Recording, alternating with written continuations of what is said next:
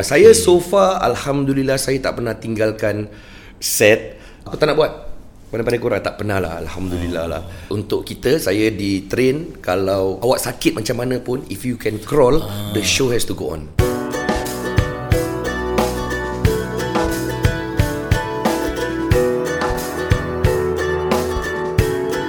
Assalamualaikum semua, selamat datang ke podcast uh, Diari Ayah. Uh, Anda sedang mendengar di Spotify, Apple Podcast uh, Ini akan diudarakan di YouTube dan juga Facebook saya Hari ini saya bertemu dengan uh, seorang yang um, uh, penuh dengan bakatnya Beliau seorang pelakon Saya kenali beliau sebagai seorang pelakon Kemudian seorang uh, pengarah, uh, penulis, penerbit uh, Dan uh, saya tak sangka beliau boleh melawak Okey. Uh, umurnya 49 tahun dan sudah berkecimpung dalam uh, bidang media ini eh.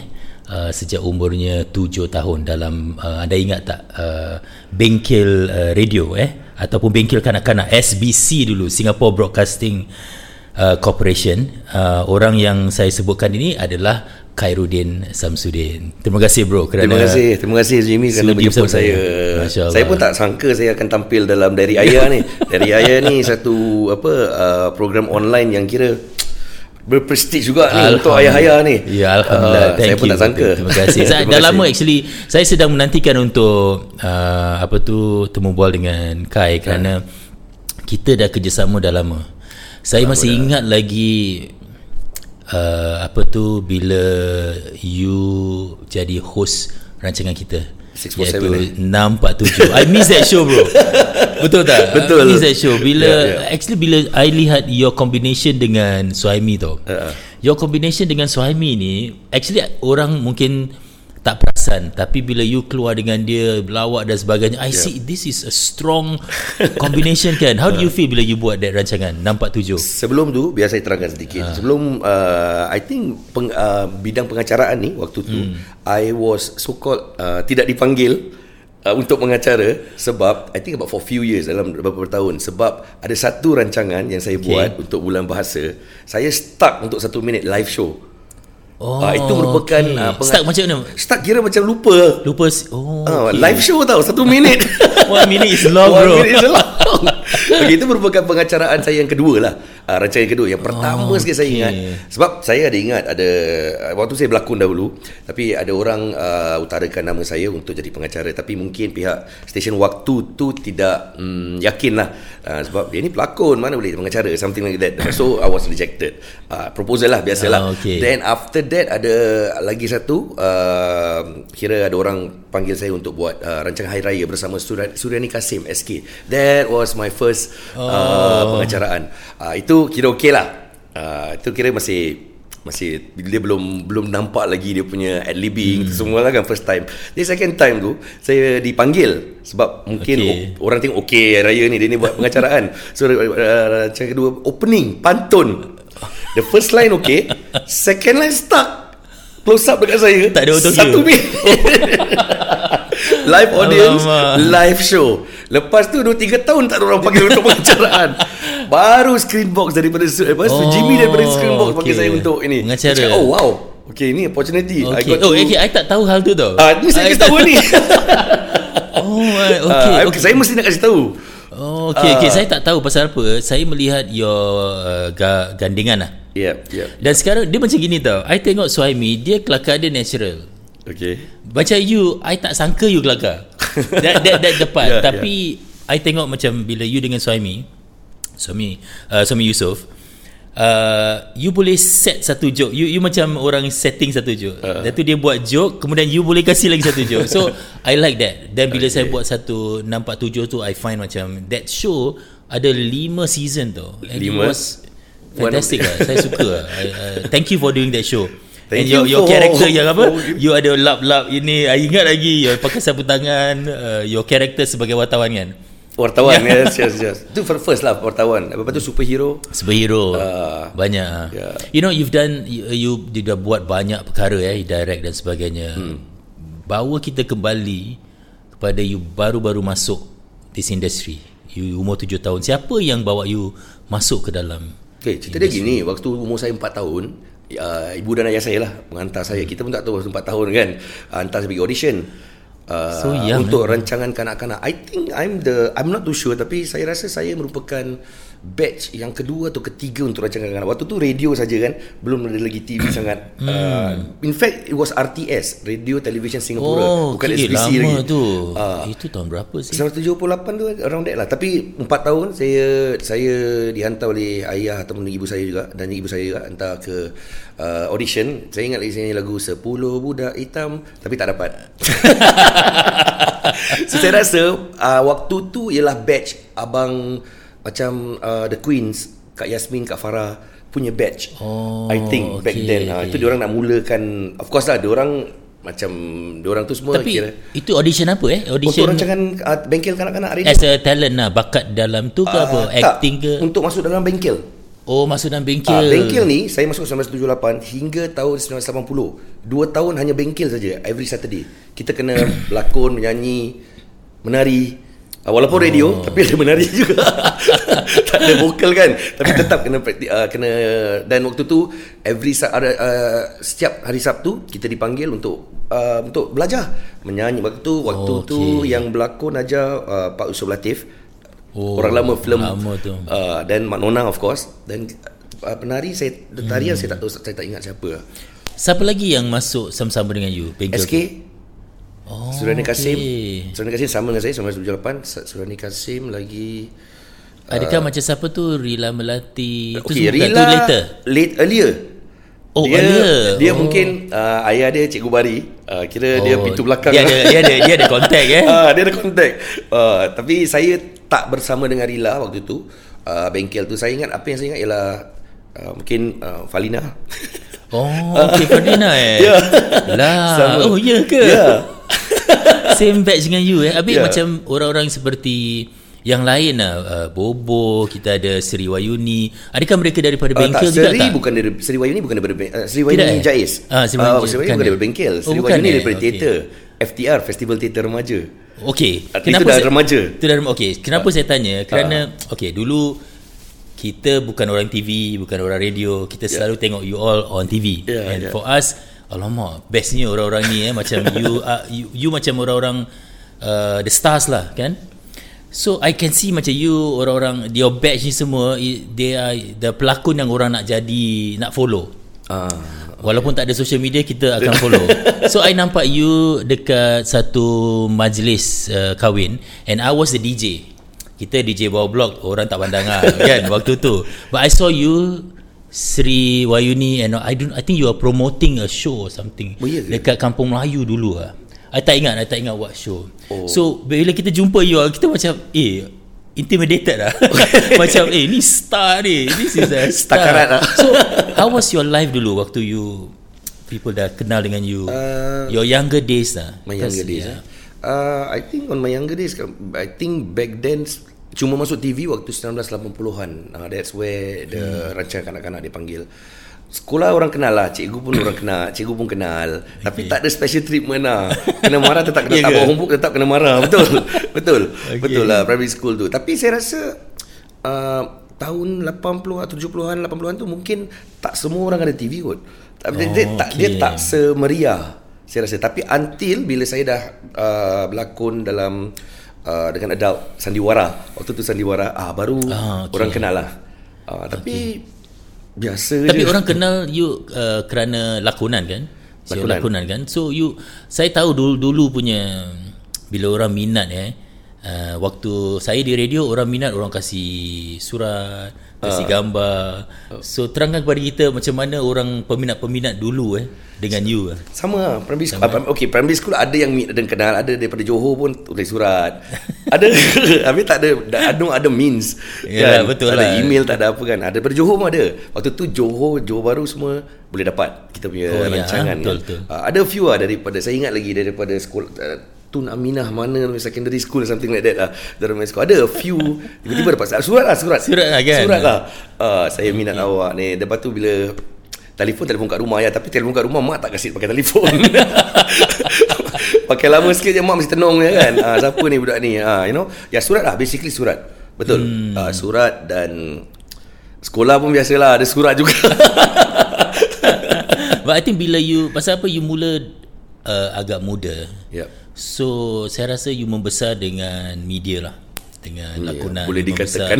So waktu bila waktu yang you betul-betul rasa macam eh orang semua dah kenal. And bagaimana itu mengubah hidup anda? Um, saya rasa uh, mungkin soalannya ialah bagaimana um, hobi tu bertukar menjadi career. Ah, okey. Okey. Macam mana? Okey. Um, saya rasa waktu remaja lah, saya pun um, I mean saya the only child. Saya tak ada adik-beradik. Oh, okey. Ah, so um, mungkin saya pun tak tahu waktu tu tak ada sesiapa yang nak tanya. Macam nak consult dah besar nak jadi apa eh? Dah besar nak jadi apa? Waktu primary school tanya nak jadi apa? Nak jadi doktor. Ah. itu men nak jadi apa? Doktor. Itu untuk untuk untuk kegembiraan hati mak lah agaknya kan. Waktu tu. tapi bila dah start remaja uh, saya rasa because kita like macam Suji cakap tadi macam memang betul memang kita I think kita grew up in set. Uh, even waktu peperiksaan pun kita ada rehearsal kita ada apa kita bawa buku. Jadi sementara belum kita punya turn untuk buat latihan kita akan baca buku Belajar untuk belajar and all that lah. Uh, tapi um, yang yang kira yang betul-betul the point that yang yang saya rasa eh, I think this is the one that ini inilah benda yang saya nak buat. Tapi sebelum tu kita pun tak sure. Ya, 17 tahun 18 tahun kita lepas O level kita pun rasa macam hmm, tak tak pasti. Dan uh, ada turning point sikit ada ada diversification sikit. Sebab waktu tu keluarga agak susah sikit. Jadi um, saya cakap macam okay lepas level ni apa? Saya dapat masuk poli tapi saya tak nak masuk poli. Saya uh, pergi ada this institute uh, tiap-tiap bulan dapat 300 dolar. Oh, macam mana tu? uh, it bond lah you bonded. Oh, bonded, uh, Tata okay. Tata. PEI Oh, Precision okay, Engineering okay. Institute. Uh, saya because of that 300 dollars saya push away poli saya ada ada ada ada apa um, uh, kesusahan sikit lah dalam segi uh, hmm. kewangan waktu tu. Uh, jadi saya rasa eh, apa kata saya uh, ambil lah tak apalah untuk 2 tahun saya masih institute. Jadi saya waste time lah. Jadi lepas institute tu saya dihantar ke uh, factories and all that to do bikin tool and die and all that. It's still bonded uh, bonded lah back Oh, then. Okay. untuk uh, 2 tahun di sekolah 3 tahun uh, Eh, bekerja. lama tu bond. uh, tapi saya broke bond satu tahun je saya saya tak boleh saya duduk kat mesin saya Alamak. Tengok production pusing saya cakap no this is not my job. This is not my my thing ah. Hmm. Uh, Tapi so kalau break bond selalu kena bayar. eh? bayar balik ah. Bayar balik. Uh, terpaksa bayar balik lah waktu tu. Tapi perlahan-lahan lah ansuran lah waktu tu. Oh, Then bila dah bayar tu, bila dah habis tu saya dah bayar, saya okay saya nak stop. Lepas tu saya nak masuk Lasal. Tapi waktu satu tahun tu Lasal belum ada uh, course drama lagi. Uh, sebenarnya minat tu saya rasa macam saya dah set yang saya rasa saya nak buat ni lah. Saya nak buat uh, lakon bukan waktu tu belum terfikir pun nak macam okey buat production ke apa-apa. Saya rasa saya nak nak uh, mendalami lagi uh, dalam bidang lakonan. Uh, sebab tu saya lepas daripada PEI tu saya uh, I, saya broke the bond and saya join LaSalle tapi LaSalle waktu tu belum ada lagi drama. Cuma ada fine arts. Saya rasa macam alamak tak boleh lah fine arts. So saya tunggu lagi setahun. Dalam, dalam masa setahun tu saya merambu lah. Apa you buat? uh, join sana teater sana uh, you know oh, pergi uh, you masih main, uh, mainkan seni lah. Ah, uh, seni lah macam dalam bidang teater sebab saya rasa waktu saya mas, mas waktu tu saya dalam teater nadi uh, I think teater nadi uh, uh, Cik Nadi Putra lah yang yang hmm. buka uh, teater tu bersama Sabri Buang apa Sabri Buang dalam teater so dengan dengan dengan um, kira with that force dengan saya join theater tu itu yang lebih menguatkan diri saya untuk okay I think this is this is the thing that I want to do. Oh. Tapi belum terfikir pasal production untuk lakonan saja waktu Lakonan. tu. Uh, saya nak mendalami lakon tapi mungkin mendalami dalam segi lakonan dan mungkin akan jadi lecturer ke apa. You know back then lah terfikir macam gitu. Oh, Uh, tapi bila dah masuk last lepas tu saya tunggu setahun baru saya dapat good news eh alamak Lasal ada drama class ada drama course for 3 years diploma ah, itu yang saya masuk oh, ah, mula daripada situ terus saya tapi saya beritahu diri saya okay lepas saya graduate ni saya tanda berlakon untuk 2 tahun. Saya nak belakang tabir saja. So lepas uh, keluar daripada um, sorry bukan bukan tak ada saya keluar saya tak nak buat uh, kena mengena dengan teater dengan TV dengan apa. Saya stop for untuk 2 tahun. Saya kerja dengan corporate dengan NTUC as a entertainment punya uh, officers. Uh, dengan, uh, okay. saya setahun dengan NTUC um, uh, ya NTUC dan lepas tu saya kerja dengan satu syarikat ni uh, untuk buat event uh, tapi saya diletakkan di Indonesia untuk setahun Oh, uh, saya wow, buat the okay. SEA Games yang waktu waktu Soeharto before he collapse uh, that SEA Game lah We were in charge of that SEA Games from Singapore my company. Oh, Uh, wow. So we did event. Oh, you tak terus eh uh, dengan lakonan ni Tak. you ada stop-stop juga eh? Stop. So 2 tahun saya because saya beritahu diri saya saya cakap okay bila saya dah belajar ni saya nak uh, nak tahulah tentang corporate world juga. Oh, okay. so saya bekerja lah dan lepas tu um, uh, selepas bekerja tu baru saya join theater kami as their marketing manager masuk theater. Oh, okay. okay. lep- okay. Hmm. Dari segi lakonan ni saya ada dua soalan lah. Pasal apa I, bila you berlakon dengan kita and you direct uh, rancangan Hanyut eh. Uh, I ingat waktu Uh, pasal tu um, uh, is it telemovie Hanyut if I'm not wrong? hanyut-hanyut satu dengan the series. Uh, series apa tu eh? Pasal Kelakar, nenek, uh, nenek uh, oh, um, Cucuku sayang. cucuku sayang. Cucuku sayang. Yes. Dalam tu saya I can see your lakonan ni is so mature. You just transform yourself. Oh, you mean lakonan, bukan Lakonan. directing. Bukan directing. Ah, okay, okay. I want to talk about directing Okay, okay. kejap lagi. Okay. Tapi dari segi lakonan ni, I tengok di- lakonan bila saya dah kerjasama dengan anda is very mature. Macam you really transform lah. Macam you are your char- you are your character. Siapa yang mempengaruh dan menajamkan your kemahiran lakonan dulu? Kalau nak cakap ramai lah macam saya ramai banyak main saya anggap walaupun sedikit dia orang punya um, pengajaran kepada saya pelajaran yang di, di, dijatuhkan kepada saya saya rasa mereka pun tetap saya anggap mentor tapi mostly saya rasa dalam segi teater um, Nadi Putra dan juga Sabri Buang Okay, Sabri Buang. Ya, Sabri Buang itu memang saya rasa dalam segi akting, dalam segi lakonan memang banyak saya belajar daripada Abang Sab lah. Hmm. Uh, I mean cara macam mana nak uh, berlakon yang betul um, dan bagaimana nak um, kira menyelami lah watak-watak yang kita uh, mainkan lah. Sebab banyak benda bila kita cakap tentang lakonan sekarang ni kita tengok semua orang boleh berlakon. Semua orang tengok boleh berlakon tapi mereka tak tahulah kena asas-asas dia yang lebih uh. mempertajamkan lagi. Sebab bila kita tahu sistem bagaimana kita nak sampai ke sesuatu watak tu, uh, dia macam gini, macam kalau kita tahu pasal sistem, kalau kita pergi satu rumah tu macam okey, uh, kita kasih, boleh kasih detail. Maksudnya macam okay, macam mana kita nak rasa sedih eh? Uh, okay, sebenarnya sedih kita ada bila kita uh, gunakan teknik Stanislavski maksudnya macam realism jadi kita kena fikirkan waktu sebagai sebagai uh, awak ni sendiri ni awak rasa pernah tak awak mengalami um, apa event yang betul-betul menyedihkan? Ada daripada situ awak gunakan uh, kesedihan tu masuk ke dalam watak tu. Sama juga macam orang yang tahu pasal sistem ni dengan tak tahu sistem. Misalnya macam okey nak pergi Amokyo macam mana eh? Okey kalau nak pergi tempat Taylor ni blok 27 uh, tingkat 0102 ah jadi pelakon yang tahu sistem dia akan dapat berikan berikan um, apa detail yang lebih baik. Tapi kalau mungkin pelakon yang tidak tahu sistem mungkin mereka cakap oh dia dekat depan uh, apa ada ada toilet color merah ah kat situ lah. Ah you know basically Oh, that lah. itu je perbezaan dia. Tapi Oh, okey. Tapi saya rasa um, saya juga respect bagi mereka bukan tak semestinya orang yang pergi sekolah orang berlakonan mereka lebih baik tidak semestinya tapi yang gifted ataupun mungkin yang especially yang lama yang tak pergi sekolah ataupun tak pernah tahu tentang uh, apa detail-detail ciri-ciri lakonan um, itu kira dia orang gifted and orang mungkin belajar daripada pengalaman lah. Uh, Okay. Saya nak, uh, masih teringat your drama yang I think it was quite some time ago. Uh, Sayang Mona. Is it Sayang Mona? Were you there? ya, saya pernah dengan Sayang Mona kan. uh, I remember that pasal apa kita masih 1992 kan. Sayang. Mona Ya, 1992 ya, that was uh, dah kira you dah umur you dah berapa 20 lebih ada tak eh? uh, 1990 tu tu eh. Pagi-pagi nak kena kira. Ah, dia faktor usia ni kasih math problem pula.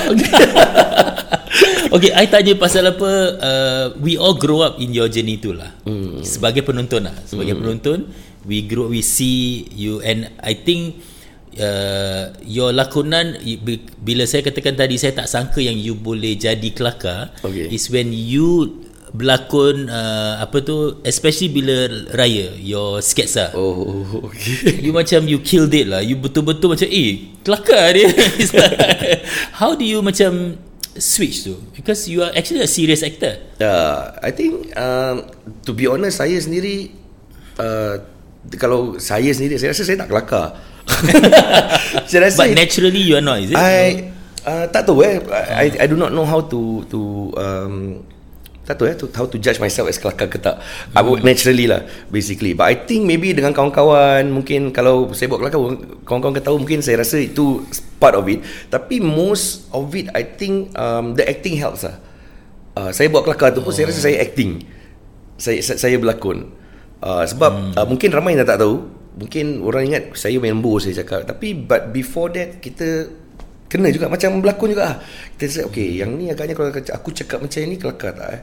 Then I have to So you try out your punchline yeah, gitu eh. Yeah. Oh okay. Ya, yeah, okay. ya, yeah. tapi kadang-kadang tu bila mungkin kita dah pract, dah, dah, dah latih kita punya punchline ke dah latih dengan benda-benda gini tapi sometimes macam ad libbing kan uh, tu yeah, mungkin because of the kebiasaan dia. tu uh, mungkin itu datang dengan natural I think itu yang uh, uh, I can say is uh, your kekuatan lah pasal apa your ad libbing macam it first of all it's natural and you can pick up yeah, benda tu yeah. and you kata orang uh, we close the uh, uh, we close the whole thing dengan baik ah so i can see you bila orang kelakar ni mesti ada benda tu lah ad libbing yeah. tu on, on, honestly ada. kalau nak compare saya dengan abang Alias saya tak sekelakar abang Alias saya respect dia abang hmm. Alias is very funny uh, walaupun dia, dia tengok muka dia pun dia ketawa uh, oh, saya rasa okay. lah bagi saya tapi saya rasa dalam soal um, bila saya buat komedi ni saya saya rasa lebih pada lakonan. Saya, hmm. untuk saya lah. Tapi when when kita sama macam berlakon bila kita berlakon kita dah latih latih latih latih, latih dia dah jadi hmm. habitual. Oh iyalah. Uh, okay dalam dalam your own uh, circle kan siapa yang you rasa you boleh partner memang menjadi kelakar? So I MC lah kan? Itu sebab saya kata your, your gandengan dengan dia memang natural lah the two of you will fit each other lah macam macam yeah. metacro lah you know kadang-kadang dia tekong kadang-kadang you tekong yalah, yalah, so yalah. saya namp, uh, nampak benda tu uh-huh. now um, saya masih ingat lagi pasal kita dua-dua menjalani uh, perjalanan pesta perdana eh yep. orang lama tunggu you menang Uh, tunggu you menang dalam beberapa apa tu kategori. Oh iya ke? Saya pun tak of tahu. Course, of course, oh. kita semua tahu. Oh. So you uh, menang um, Best Actor Award yep. tahun 2006. Ya, 2006 eh ini menurut kajian tak tahu betul kita eh uh, betul tak saya rasa 2007 uh, 2007 and you won best host 2017 tau padahal you dah host dah berapa lama betul tak pasal yeah. saya tahu penantian untuk menang tu pasal kita pun lama tunggu. Lama tunggu. Yeah. so when you were macam uh, waiting for pasal kita pun baru pesta perdana pun baru habis yeah, dan sebagainya yeah, yeah, kan. yeah. how macam mana uh, how do you first of all apa uh, pandangan you tentang pesta perdana ni? Dan maknanya bila you menang ah Uh, saya rasa saya uh, berada di bukan bu, um, sebelum pesta perdana dah kita dah ada macam kota saya ada ada award juga eh. Kalau tak saya uh, um. Suria ada mengadakan sebelum uh, pesta perdana apa eh? Um. ada tiga dua ke tiga tahun yang macam award punya oh, program. okey. Tapi dia bukan ya dia bukan pesta perdana pesta, pesta perdana lah. Tapi maksud saya tu to be honest um, bagi saya pesta perdana tu merupakan satu pengiktirafan. Um, tapi menang kalah tak uh, saya tak rasa janggal ataupun saya tak rasa macam saya tunggu kemenangan saya ke tidak. Hmm. Tapi kalau menang bonus lah. Tapi kalau dah bertahun-tahun you are nominated pun you rasa macam eh bila juga aku nak menang eh. Tapi you tak rasa tak, macam itu. Tak, saya rasa tak, to be eh? honest. I mean bila tengok macam okay, bila di waktu ni waktu di announce apa pengumuman macam oh tak menang alamak. Ha, mesti ada lah sikit. Ha, sikit ada. Itu itu tak boleh tipu lah. Ha, okay. Tapi secara keseluruhan, saya rasa uh, saya tak... Sebab mungkin saya banyak sangat job macam waktu no, tu. Itu, betul juga. You pun sibuk lah. Ha, sibuk. Bila kerja-kerja. Saya rasa kerja tu lebih penting daripada Uh, bukan saya cakap pengiktirafan tak penting. Saya amat terima kasih lah kepada pihak Suria kerana walaupun waktu COVID macam gini pun mereka tetap nak Buat iktiraf. Ha. Saya rasa that one um, can give it to them macam Suria. Alhamdulillah terima kasih lah uh, satu pengiktirafan. Tapi uh, buat diri saya secara individu memang saya tak tak tunggu sama ada menang ke tak menang serius hmm. uh, itu saja oh, okay, okay. Uh, talk about yang you sibuk ni memang betul lah you sibuk I think anda adalah antara orang yang multi talented eh you ada you boleh lakon you sibuk mengarah yeah. so itu saya nak cakap pasal your uh, arahan ni uh, first saya nak cakap terima kasih because you pernah save my company. Oh iya ke? Uh, betul. You ingat tak tahun 2008 tahun 2008 ni saya syarikat Screenbox setiap hari kat Channel News Asia kita ada show. Setiap hari. Itu Oh. waktu zaman kegemilangan uh, TV Ya, Screenbox. ya, ya, setiap hari we have a show on uh, Channel News Asia Okay, okay. dan setiap uh, okay lat-lat hari ada di Suria. So we had too many shows.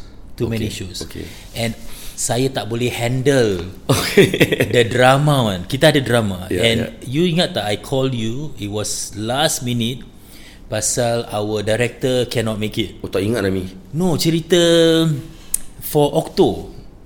Oh, Ah, ingat tak? ya, ya, Alamak, ya, apa ya, nama ya, dia? ya. Saya pun Ah, banyak sangat dia. dah buat. Ah. Okay, pasal apa? First episode. You ingat tak? First episode, saya hantar benda tu. Cannot make it. Pasal the director, saya tak nak cakap siapa eh. Ah, Hancur. Hancur weh. okay. So Ya, ya, ya, ya, saya ingat. pun cakap ya. cannot macam mana I want to save this show.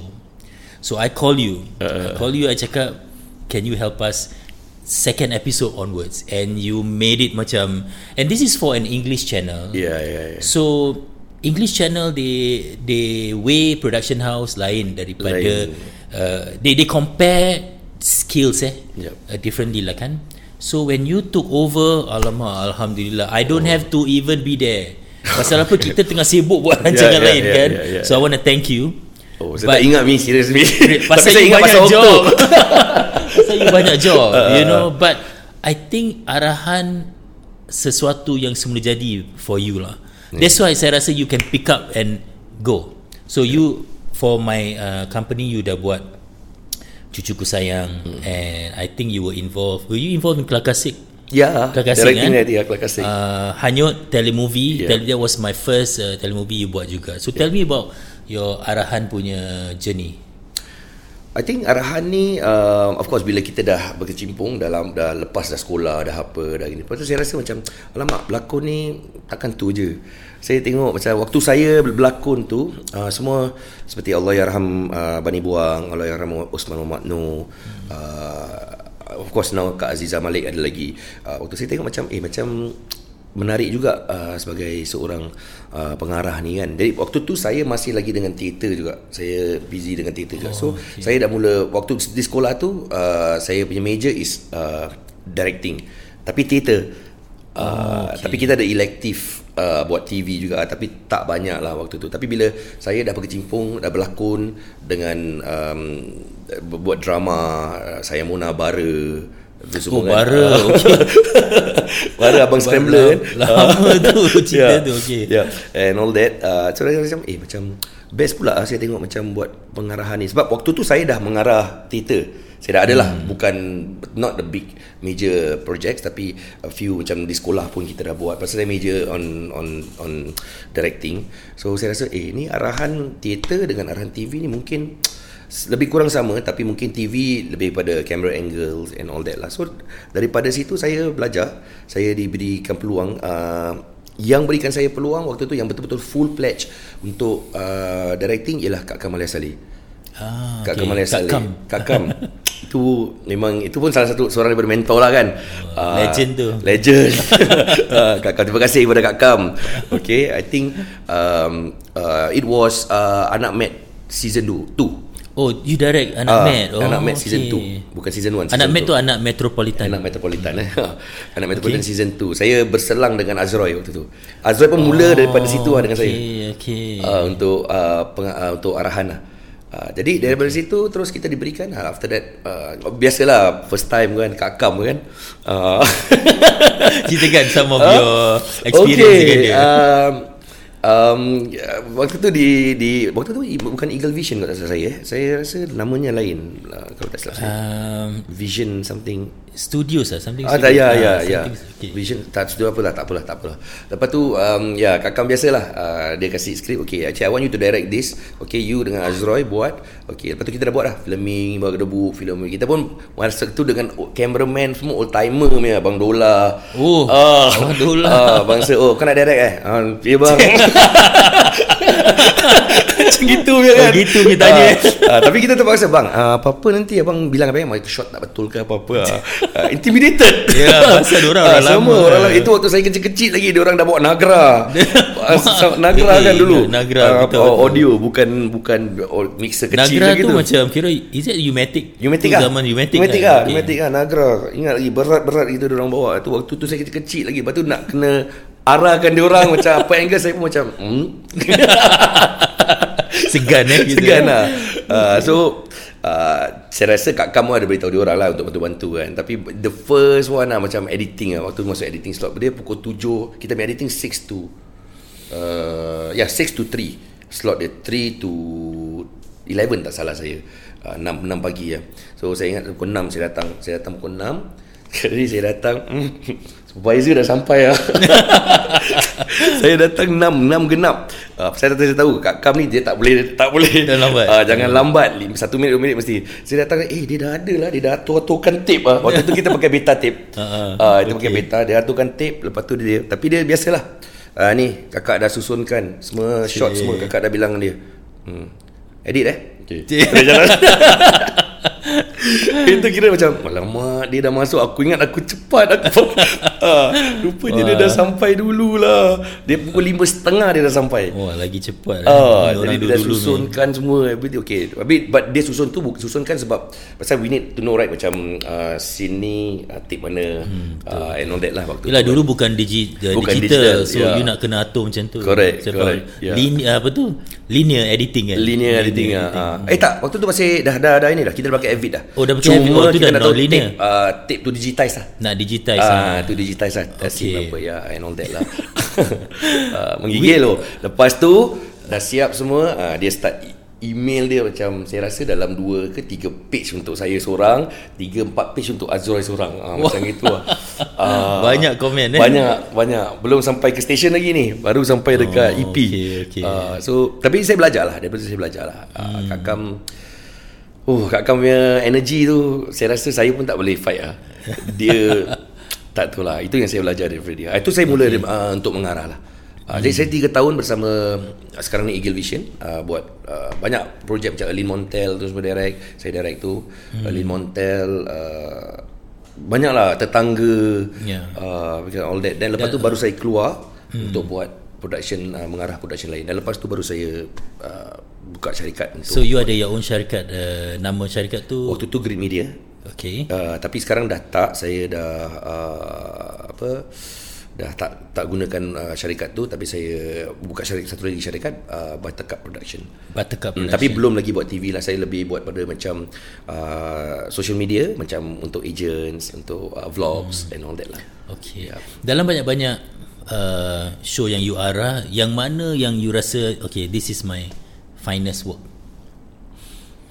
Hmm, Atau challenging? Challenging eh. Saya rasa baru-baru ni lah Yang baru-baru ni lah. Uh, Eh challenging Sebenarnya banyak ni Macam jeritan sepi tu semua. Oh jeritan sepi. Uh, Wah itu dahsyat rancangan uh, tu That's a sepi very good show uh, Tu semua Saya rasa What is it yang challenging bagi you? Uh, saya rasa the emotional emotional um, part lah because jeritan sepi tu banyak banyak scene-scene yang heavy hmm. and all that lah so we really need to be very very very careful uh, to execute untuk kita execute sebagai pengarah sebab hmm. saya rasa kalau tak betul uh, dia tak kesampaian dan saya rasa dia tak tak akan menjadi lah sebab bila kita mengarah ni sebenarnya kita eh, merangkumi semua dalam uh, especially untuk drama ni. Merangkumi hmm. semua lakonan um, penyuntingan um, shooting uh, dan uh, yalah ini, ini semua lah dan lepas tu bila kita dah dah taruh dekat dekat desk untuk edit tu bila kita dah dah, dah cantumkan tapi kita kena lagi satu proses di mana kita kena uh, tonton dua tiga kali sama ada uh, sini patut diletakkan di sini ke ataupun lebih baik untuk di sini. Jadi skrip yang permulaan tu kira macam dah tak boleh di di difikirkan lagi lah. Jadi hmm. end product tu yang penting. Maksudnya macam apa yang kita tonton tu um, kita nak kena betul-betul masak betul-betul. Kita mesti betul-betul taruh you know uh, cantikkan dengan lagu dengan hmm. apa tu semualah saya rasa uh, jeritan sepi quite tough untuk saya lah tapi baru-baru ni saya buat saga uh, itu pun tough because it's action Ah, okay. Uh, saga pun satu uh, saya rasa macam best jugalah saya buat. Saya macam lepas tu saya macam eh, macam best lah buat action action ni directing action uh, show eh. Uh, macam action movie ni macam Pas, show juga. okay, kerana you uh, juga seorang pelakon. Mm-hmm. So bila you mengarah, do you have to teach people how to berlakon?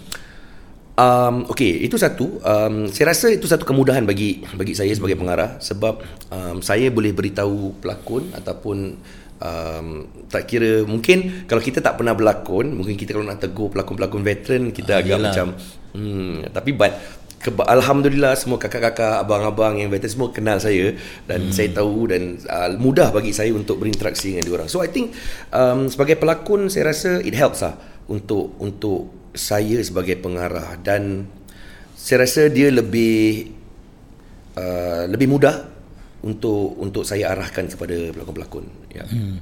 Okay, pasal kita semua dah tahu you betul-betul sibuk. You banyak sangat projek bukan saja untuk your untuk anda sendiri tapi yeah. untuk orang lain. Ya. Um, untuk orang yang mungkin yang baru masuk kan masuk media macam mana you stay sampai dapat job yang macam gini. What do you do? Ini, ini satu bagi saya eh ini satu kejayaan lah untuk sentiasa aktif sentiasa diperlukan sentiasa in demand kan? Ha- what's your secret? Apa yang sampai you buat sampai orang masih mencari you untuk projek mereka? Um, saya rasa uh, yang penting adalah attitude lah. Attitude bukan soal uh, diri sendiri saja tapi soal attitude towards work uh, dan komitmen um, dan saya rasa yang paling penting sekali ikhlas lah. Tak semua yang saya uh, buat saya suka. tapi you tetap ikhlas buat Uh, sebab kita dah commit. Hmm. Uh, kita dah commit. Kita tak boleh macam Oh, uh, saya so far alhamdulillah saya tak pernah tinggalkan set untuk aku tak nak buat pandai-pandai korang tak pernah lah alhamdulillah oh. lah. Uh, That's penting eh Ah uh, itu penting lagi satu saya rasa bila bila kita cakap tentang mengarah ni ataupun dalam segi lakonan pun um, saya jangan cakap jarang lah saya rasa saya tak pernah macam marah lepas tu saya macam dalam segi lakonan ke ataupun dalam segi pengarahan ke saya tak pernah macam nak nak luahkan kemarahan saya di dalam set oh. ke apa. Saya rasa Dan, okay, daripada mana sifat tu datang? Adakah kerana you masuk bengkel ke you dah tahu ini cara-cara kita harus uh, beradab ataupun memang itu cara you? Saya rasa itu memang cara saya. Oh. Saya, saya, saya rasa sebab yalah bengkel helps um, sekolah uh, kita nak kena apa yang saya tahu untuk kita saya di train kalau awak sakit macam mana pun if you can crawl ah. the show has to go on.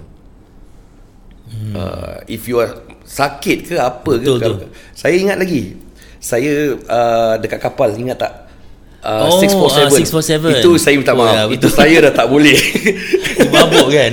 Ah, bukan mabuk. Bukan, oh, saya no. sakit perut. Sakit perut, eh? Ah, diarrhea. Eh, itu lama.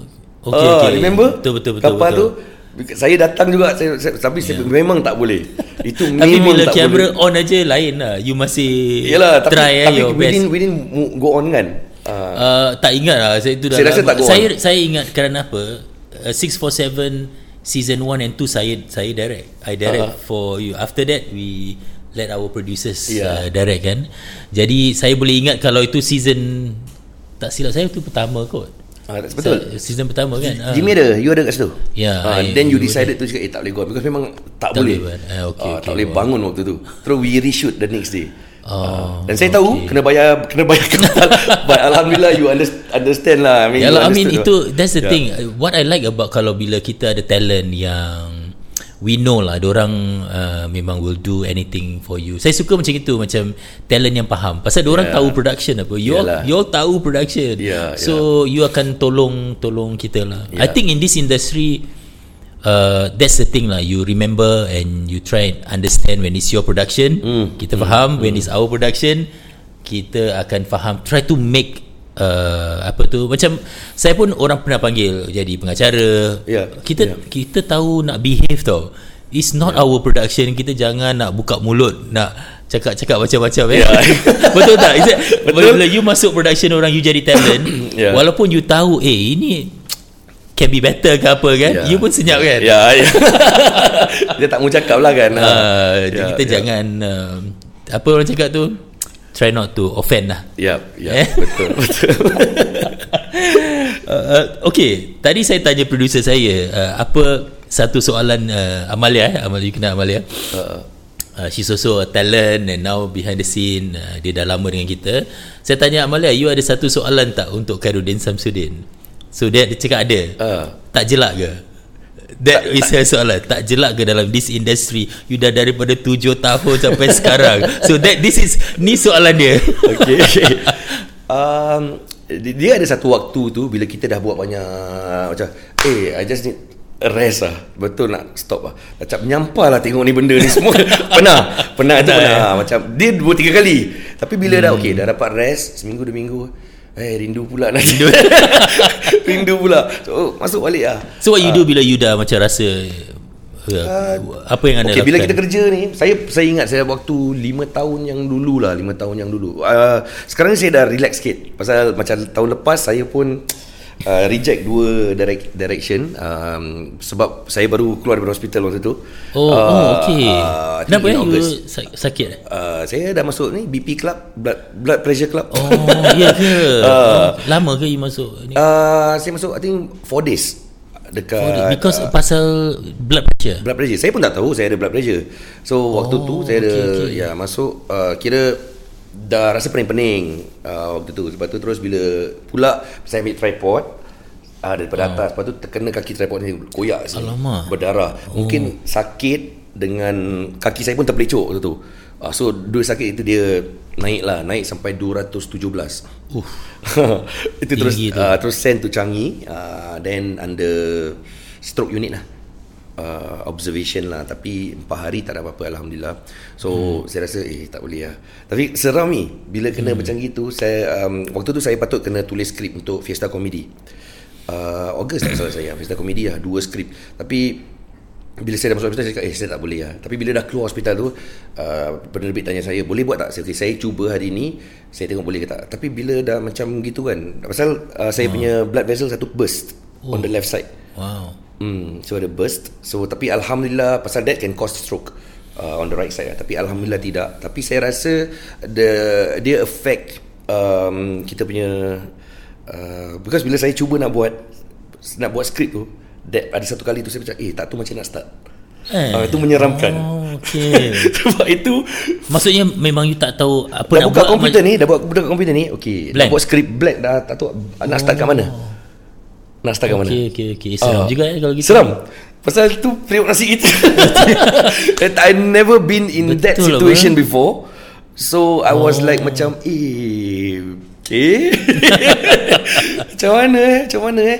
Wah, Ah, seram juga, eh. So bila saya keluar daripada hospital ah, Dia ada effect sikit. Dia effect sikit That means uh, Waktu tu lagi kita mengacara and all that we need, we need to be very very, very fast. Uh, dia ada effect sikit tau macam Hmm. certain words saya macam apa aku nak cakap eh ah Oh Yeah. okay Yeah, but now it's okay. getting better. Better It's getting better, alhamdulillah. So tadi berbalik pada you cakap Bila you rasa macam gini Macam ya alamak Dah Jelak bosan jelak eh Ah, So apa you buat? Selalunya berehat, pancing. Saya suka Pancing eh Pancing. Oh, saya suka okay, pancing. okay. You ada members yang Ada, Ikut you pancing ada ke juga. atau- Okay. Macam pancing, relax duduk kat rumah. Tapi lepas tu macam eh gatal lah tangan. uh, tak boleh lah, tak boleh, tak boleh dah biasa. Then Okay. kalau tak kalau saya tak ada macam job TV ni saya akan saya ada a few friends macam uh, budak-budak agent, property agent. Saya, eh korang tak nak buat video?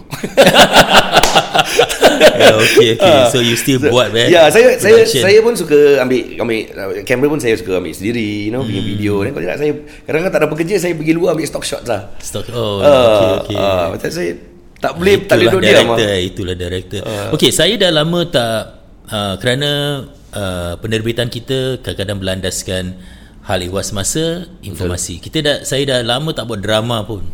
Buatlah satu social media drama. Okey, mungkin eh kita Ah, kolaborasi. social media eh. drama. Why not eh? Okey. Ah. Tapi saya nak tanya, eh why not eh? Saya tak terfikir pun benda tu. Dah boleh ada platform social media takkan Ada. orang nak asyik nak buat pasal news, pasal Betul, dokumentari. betul, betul, betul. Drama lah. Okay, tak ada orang okay. buat saya tau. akan saya akan fikirkan benda tu. No, dia dah kasih saya idea ni. uh, apa yang sedang berlaku dengan industri drama ni sekarang ini? Industri drama, television. Apa apa yang sedang ataupun apa yang missing what's missing there bagi you? Saya rasa tak ada yang missing kot tapi saya rasa yang membuat ianya locally eh uh, mungkin tak ramai rasa ramai orang tengok dahulu hmm. mungkin uh, social media orang lebih uh, lebih menonton di handphone uh, hmm. platform lain you know cables Netflix and all that so they tend to compare uh, okay. tapi saya rasa tak adil lah uh, hmm. untuk kita compare dengan um, apa yang kita ada dengan mungkin ada yang tak faham uh, penonton-penonton kita mungkin ada yang tak faham tak boleh lah compare Mission Possible dengan drama Melayu tak boleh Yalah, budget uh, kan. Uh, budget satu ya. budget. Tapi satu. dan bila kita cakap pasal budget nanti orang akan sekarang kita ramai um, yang beri komen yang mungkin mereka banyak tak faham tentang hmm. keadaan produksi uh, lokal tempatan um, dan mungkin bila kita tengok uh, cara dia orang mungkin dia orang sendiri akan komen macam um, for example eh macam kita pernah buat drama lepas tu dia orang cakap uh, lampu tak cantik uh, uh, berlakon dia hambar uh, hmm. uh, cerita jalan cerita dia mungkin ni tapi bila kita tengok profil abang jaga burung. So so saya rasa kita tak boleh tak boleh cakap uh, apa yang berlaku tu mungkin lebih kepada platforms. Saya rasa tidak kepada quality. Uh, tapi hmm. ia akan um, um, maksudnya dia akan affect the quality kalau sekiranya tak ada sokongan lah pasal oh. kita, bila kita, kita buat sesuatu kita nak ada penonton oh, untuk memberikan okay. penilaian Uh, tapi hmm. kalau setiap penilaian, penilaian tu merupakan penilaian yang negatif yang membuat ni pun rasa macam hmm, apa lagi ya sebab tu soalan tadi uh. timbul apa yang uh, komen yang paling negatif yang you pernah terima and uh, drama your drama dan sebagainya uh, itu yang saya cakap tadi yang, oh, yang tu uh, ya okay. mungkin ada orang cakap uh, uh, cerita dan cerita hambar uh, ni sebab tapi saya faham uh, penonton ni mungkin uh, menonton lebih kepada um, the end product uh, sebagai penonton tapi bila di kom, bila komen-komen tu dah dah mencecah ke segi teknikal uh, dan mereka sendiri tak pernah hmm. uh, Miss Jimmy sendiri tahu production macam mana Uh, yeah. Saya rasa tak adil lah untuk untuk hmm. untuk kita um, apa komen uh, secara teknikal. Yeah. Uh, saya rasa tak tak adil.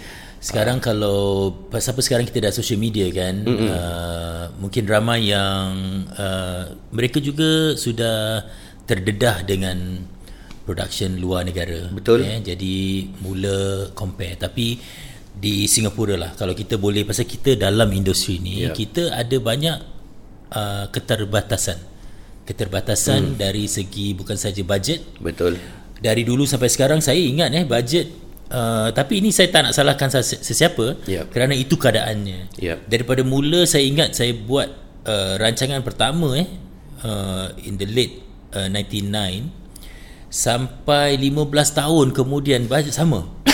Dia tak naik. Yep. Baru-baru ni naik. Saya dengar lah. Yep. Ni saya yep. dengar naik. Jadi kita ada kekurangan kat situ. Eh uh, kadang-kadang talent pun tanya tau. Eh kenapa bayaran macam Begini macam mana kita yeah. nak naikkan kita punya budget pun tak yeah.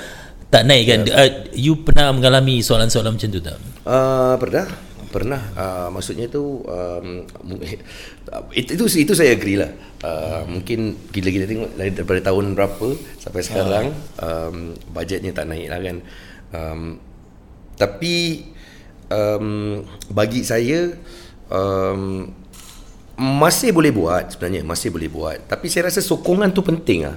Sokongan daripada viewers ah. Uh, tu itu actually penting sangat. Uh, macam uh, saya dapati bila kita eh, it's, uh, mungkin mungkin dia chicken and egg juga. Uh, sekarang social media kita dapat maklum balas segera. Mm, eh mm. Uh, kalau bagus orang akan sokong dia Betul. akan berikan. Betul. kalau tak bagus pun mereka akan tunjukkan mm. mereka tak tak cakap apa pun kadang-kadang Betul. You know? jadi kita tahu oh ni bukanlah konten uh, yang orang nak lah. Ya.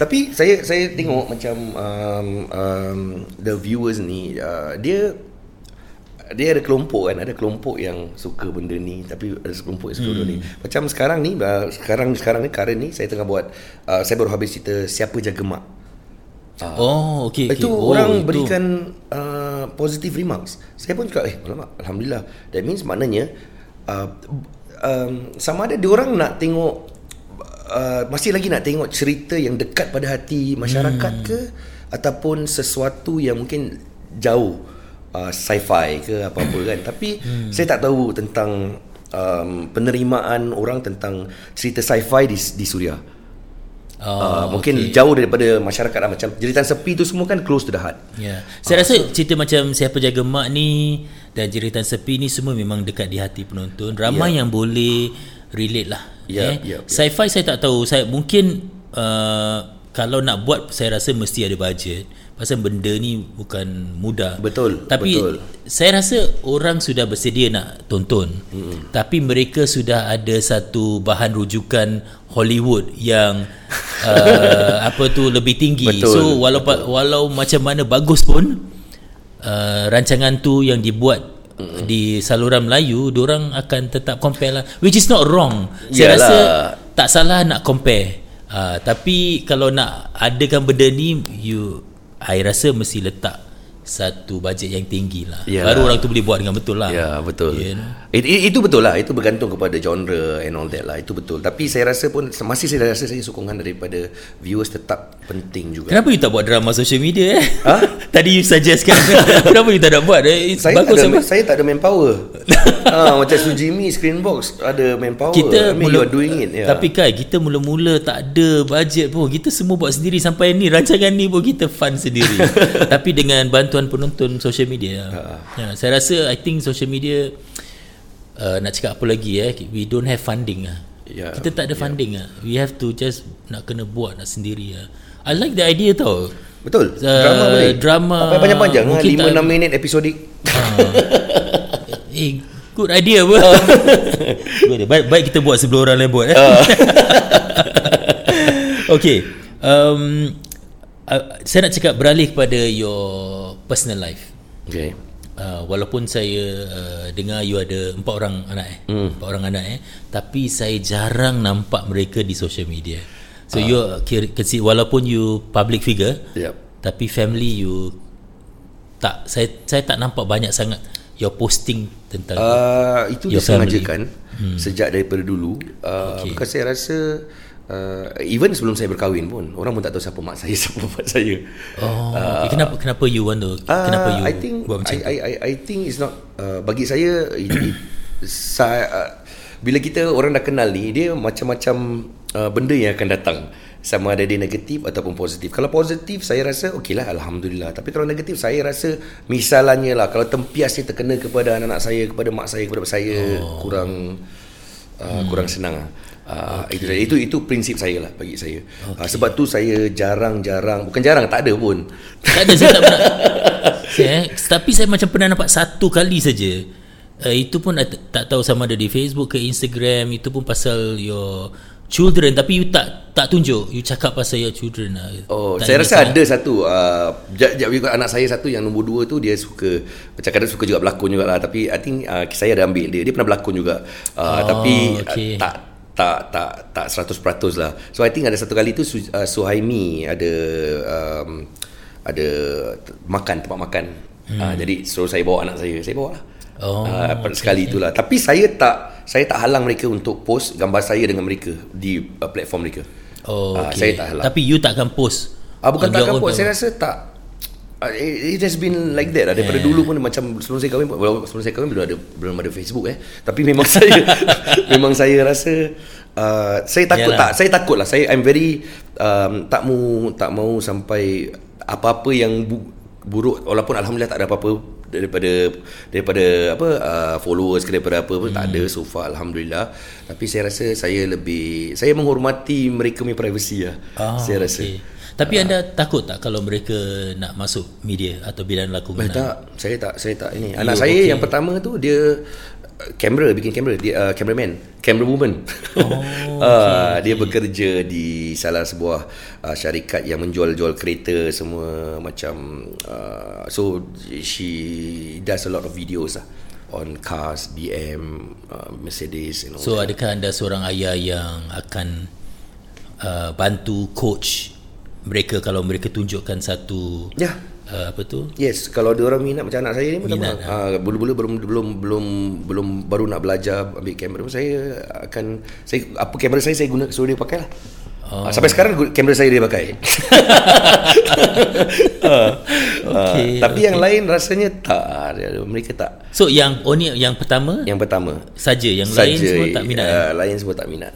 Yeah. okey you tak nak galakkan ke apa dengan Uh, tak, saya rasa saya lebih um, senang kalau mereka pilih haluan mereka sendiri. Uh, I I'm I'm not the person that macam okay kau kena aku pelakon kau kena jadi pelakon tak. ah. Tapi kalau dia ada minat I will encourage. Uh, Tapi kalau dia tak ada minat tak paksa lah. okey okey Ya, ya. okey kalau kalau anda tak nak uh, apa tu keluarkan gambar mereka kira you agak private eh tentang hal ni mm-hmm. tapi mereka ada their own social media Ada So, uh, hari raya semua dia orang keluarkan gambar saya, gambar family semua dia keluarkan. oh Okay. okey Uh, saya And- macam saya cakap saya tak halang. oh Uh, okey Itu okey. pilihan mereka lah. Tapi apa prinsip anda tentang social media kepada anak-anak anda? Pernah tak you uh, bincang dengan orang uh, cara bersosial media? Um, satu daripadanya ialah kadang-kadang anak saya ni pun diorang adalah dua bukan semua lah ada yang macam diorang tak akan kalau pergi sekolah misalnya pergi sekolah ada dua poli satu Syatek uh, so hmm. dia tak akan macam cakap eh aku anak Khairuddin. Tak diorang pun tak macam gitu. Uh, uh, so just let their friends sampai ada yang last tu sampai sekarang saya rasa dia, orang tak tahu tu anak saya pun. Dia, dia pun tak suka bilang. Dia pun cakap I don't like lah I don't like tu. Uh, no need lah no need lah. Macam itu you famous I'm not it's okay. Uh, dia macam Okay, gitu. okay, okay. Uh, Oh, okay. uh, so uh, saya ada beritahu macam dia orang. Ada satu kali tu I think yang perempuan tu lah yang second tu dia tersalah post ke apa. Lepas hmm. tu um, orang actually dig up and viral. Something salah post dia salah cakap. Oh. so lepas tu dia cakap oh this ada orang yang lain luar cakap oh oh bapak dia Khairuddin lah Ah, Ah, okay, so okay, then okay. she told she message uh, pa I'm so sorry I I did something wrong. Uh, I posted something you know certain things that they are not not supposed to be posted. Uh, then dia dah viral tapi dia tak viral-viral sangat lah macam hmm. budak-budak kan. So macam mana you atasi benda tu? Uh, I just bilang dia tak apa It's okay. Uh, I'm okay. Kalau dia nak cakap pasal I'm I'm, I'm your father It's okay lah. Hmm, uh, okay. not, Nothing what. Tak ada apa-apa. Tapi I told lah Cakap dia jangan buat lagi lah. Benda-benda gini You must be very very careful Bila you post. Bila budak-budak ni kan Kadang-kadang hmm. orang macam-macam lah Diorang buat And all that lah. Tapi Alhamdulillah Lepas tu I think about 2-3 days Lepas tu dah tak ada lagi lah Apa-apa. Apa dah terjadi? ya. I think itu macam my children pun sekarang semua dah teenager eh. Ya. Uh, eh, itu sebabnya, uh, itu sebabnya bila benda macam ni sebab tu saya tak nak tak hmm. nak ada bukan tak nak ada kaitan tapi tak nak ada macam orang tahu okay, bukan orang macam okey ni tahu anak saya pasal saya rasa dia akan mengundang lebih banyak negativity because hmm. and also budak-budak ni dia orang dah besar-besar kita pun tak tahu apa yang uh, mereka lakukan uh, jadi kadang-kadang macam benda ni lah Yalah. tiba-tiba Ah. dia berlaku Dia, uh, itu dia anyone can be viral in the wrong way lah. Correct, Eh, dia correct. boleh you kadang-kadang tak sengaja pun. ya Sesuatu yang orang rasa macam uh, tak salah tapi menjadi salah. Betul, Itu sebab bagi anak-anak saya juga, orang bila nak uh, ada nak start buka social media ni, saya bilang saya mesti follow you Hmm, and you must follow me and I need to see. Saya perlu melihat Yep, apa yang you post dan sebagainya. Dan kita social media ni bila satu benda viral yang salah okay, okay saya terpaksa bincang dengan orang kenapa benda ni boleh jadi salah dan hmm, kita hmm. pun boleh buat salah juga tau Ya, ya, ya, kita betul, boleh buat betul, salah betul. anytime tau Betul. so you pernah tak ada macam this uh, perbincangan yang macam gini dengan anak-anak you Ada ada juga macam kita akan cakap kadang-kadang dia akan cerita. Kadang saya pun nak tahu sebab kita pun nak main social media kan terpaksa. Yeah. So, honestly saya pernah cakap, saya cakap kalau saya bukan uh, dalam industri ni saya rasa saya tak ada Facebook pun. Yelah kita perlu Ya, menggunakan untuk kita ni ini satu kerja untuk kita. Uh, I mean we need we need it. So kadang-kadang saya bincang lah dengan orang and kadang-kadang saya pun tanya uh, apa yang trending sekarang. Sama-sama, betul-betul.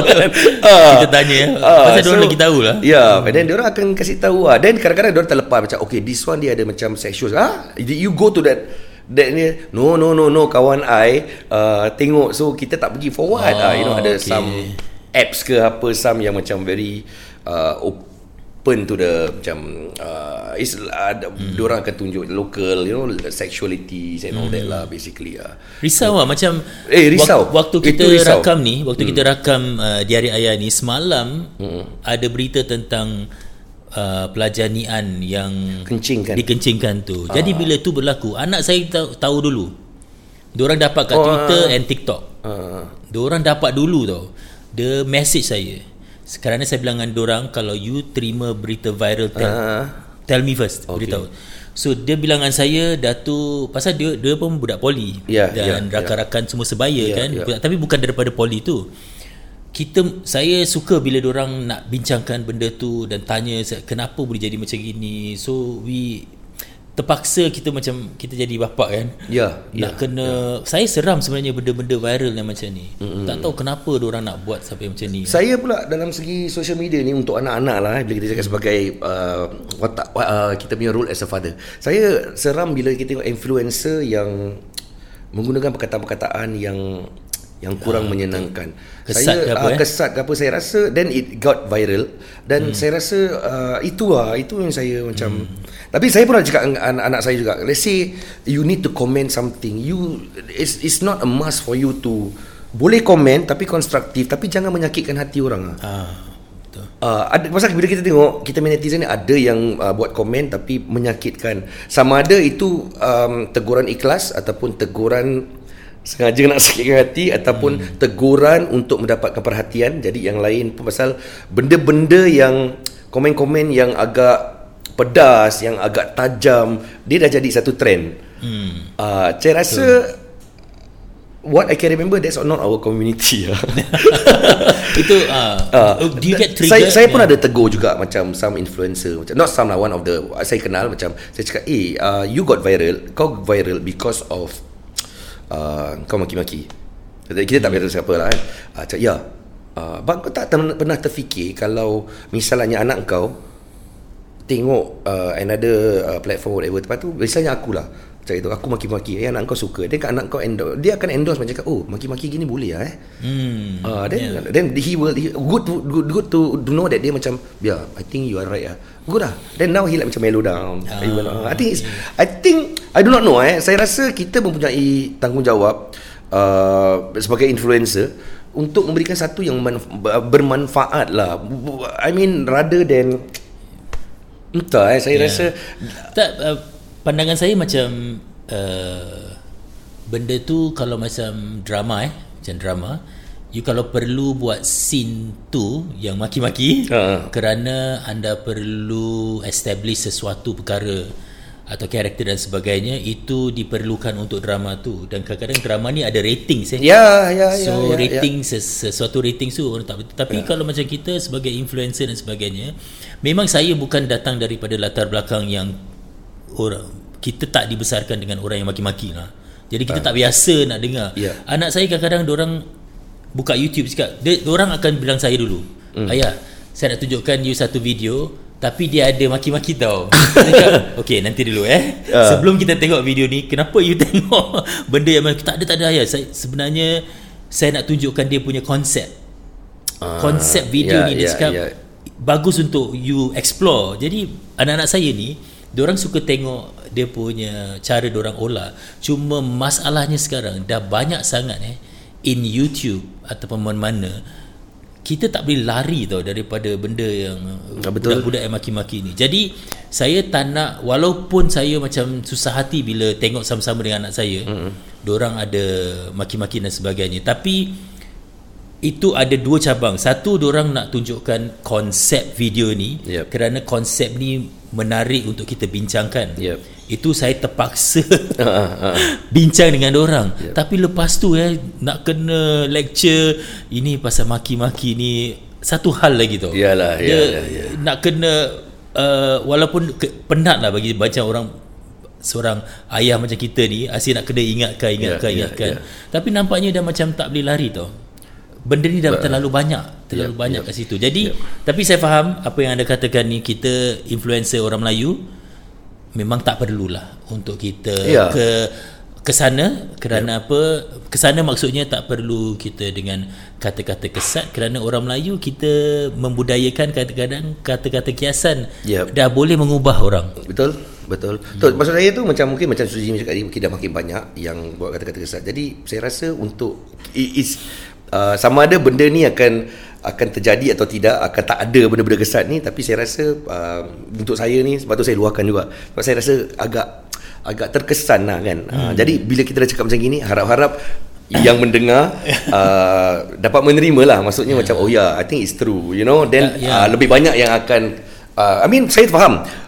Social media is not TV social media we can do more than what we hmm. used to be I mean to do on, on TV macam Mr. Jimmy cakap macam macam let's say kita buat kita kita buat drama lah hmm. uh, kalau scene tu perlu maki-maki if if it's is we need that kita buat lah uh, tapi perbezaannya ialah orang tahu itu lakonan tapi bila kita as influencer ah, kita dia. diri kita sendiri betul kita uh, bukan lakon eh ya kita bukan berlakon ya ah, itu itu saya setuju sangat hmm. uh, saya setuju sangat kerana apa um, untuk kita mendapatkan followers dan sebagainya uh, sebenarnya tidak perlu yeah. tidak perlu untuk uh, ini kerana apa bila saya tahu eh bila kita menggunakan uh, misalnya terlalu banyak kata-kata kesat untuk menarik uh, follower mm-hmm. tapi follower yang macam mana yang kita sebenarnya yang kita mahu adakah follower yang bentuk yang bagaimana kerana apa betul. follower ni macam-macam betul berbagai betul. latar belakang tau yeah, yeah. eh jadi uh, bagi saya kalau kita dalam uh, masyarakat Melayu yang kita uh, mempertingkatkan uh, kemelayuan dan sebagainya kita adalah uh, batas hmm, walaupun hmm. di social media lah ya, ya, uh, jadi betul, betul. saya juga mengharap lebih banyak yang boleh apa tu hasilkan konten yang kreatif Betul. Dan kita menjunjung kita punya budaya lah. Ya, ini sebab mungkin kita sebagai ayah Hmm. Uh, maksudnya kita sendiri buat benda gini social media ni uh, lagi satu pun kita, mungkin saya sendiri sebagai individu saya kurang uh, kurang senang lah kalau kita ada gunakan perkataan-perkataan sesat tapi hmm. perkataan sesat eh kesat kesat oh sesat tu lain hal Okey, maksudnya tu um, saya rasa apa yang kita buat apa even kita ke ataupun siapa-siapa itu untuk anak-anak kita.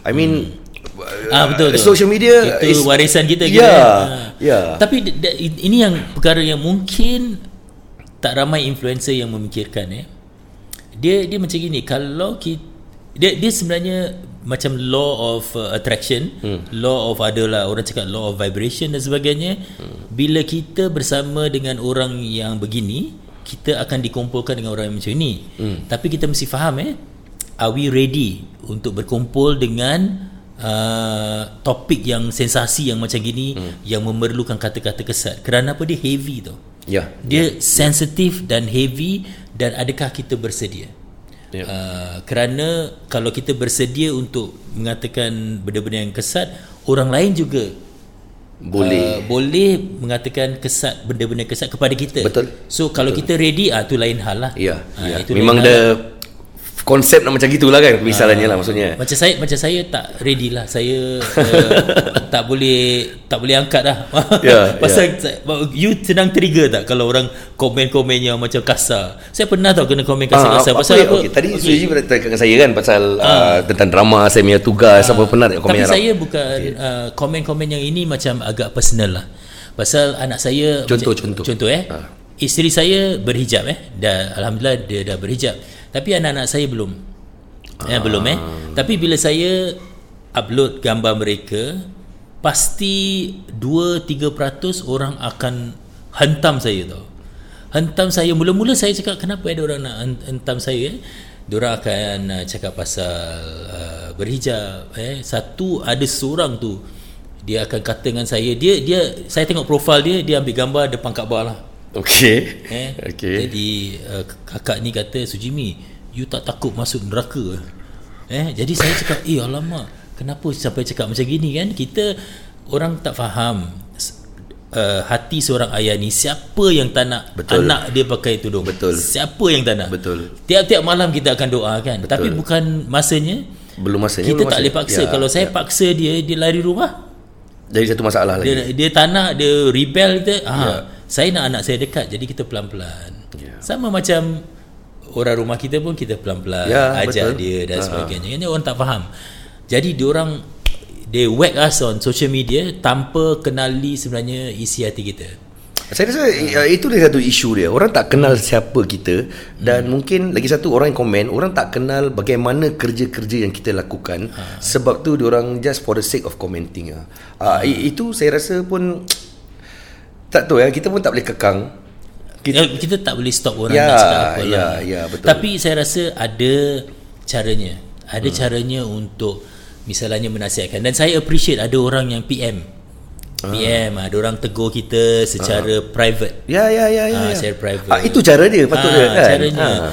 Kadang-kadang orang yang macam saya nak kasih contoh orang yang berilmu eh.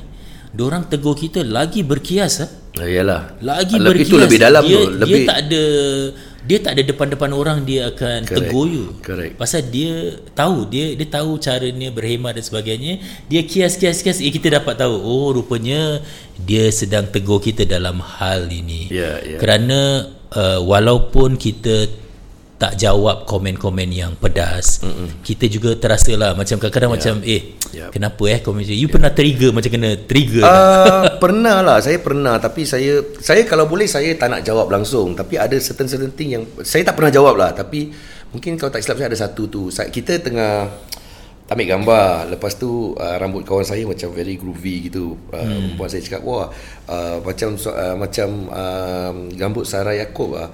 Sarah Yaakob tu is another friend bukan Sarah Yaakob penyanyi yang rock dulu oh Ah, so suddenly ada komen masuk uh, Kai tak bagus tau Sarah Yaakob cakap macam gitu tentang Sarah Yaakob.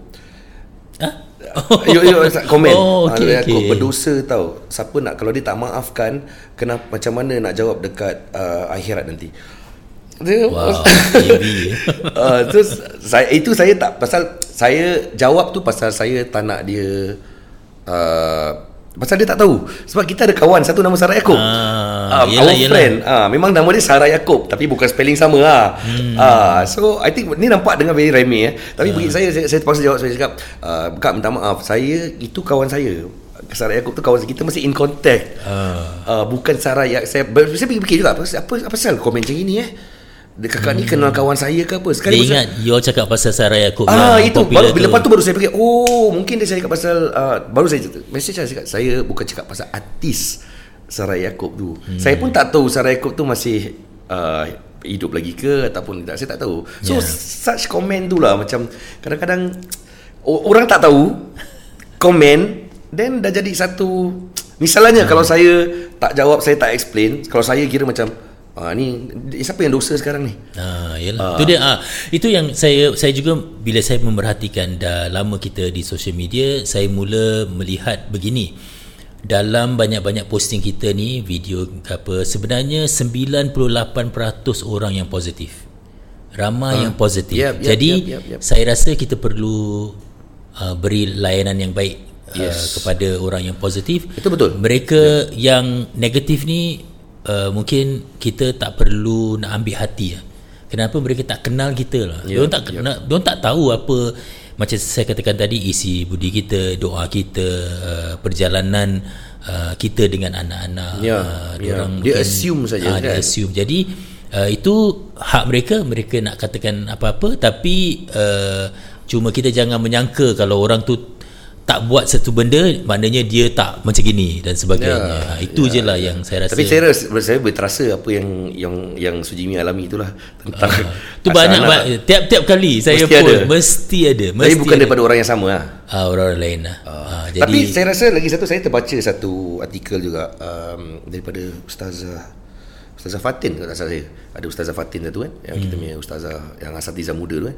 Saya baca dia cakap uh, kita kadang-kadang tu tak boleh macam kita bersandarkan kepada haters gonna hate selalu. Kadang-kadang tu kita kena kita sendiri kena analisa.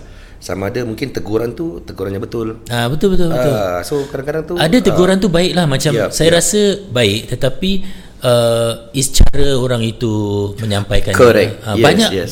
ramai orang yang tegur kita baik-baik hmm. tapi orang buat secara di belakang tabir misalnya itu saya sukalah cara Yup, macam tu yup, eh yup, jadi kita pun tak payah nak gaduh-gaduh dekat depan orang dan yup. sebagainya lah Sebenarnya apa yang saya uh, macam rasa macam risaukan ni bukan pasal diri saya pun. Kita kita boleh handle anak-anak kita ni. Ah, itu pasal they gonna be like um, exposed to more of hmm. such thing now later on. Sebab kita tengok semua handphone, semua yeah. social media, semua itu semua ini. So itu yang saya rasa sebagai seorang ayah ni itu yang membuat saya rasa risau bila tengok ada influencer yang macam menggunakan kata-kata sesat and all that lah. Tapi uh, macam Su Jimmy cakap itu mungkin cara dia orang. Ya, uh. tapi sekarang saya dah uh, dengan anak-anak ni saya pasal dia orang follow banyak sangat influencer eh bukan saja hmm, hmm. Singapura hmm, hmm, hmm, di hmm, luar. So kita yeah. nak kena Uh, cara kita tak boleh pantau all the time betul ya tapi yeah. saya ada buat satu ruling uh. Uh, saya cakap apa saja you all tengok you must show me nak kena tunjuk kita nak kena bincang pasal anak saya suka media dia orang suka ah, animasi okay, uh, satu okay. suka buat video oh. satu suka tulis skrip dan sebagainya wow, okay, uh, okay. dia suka copywriting kan uh-uh.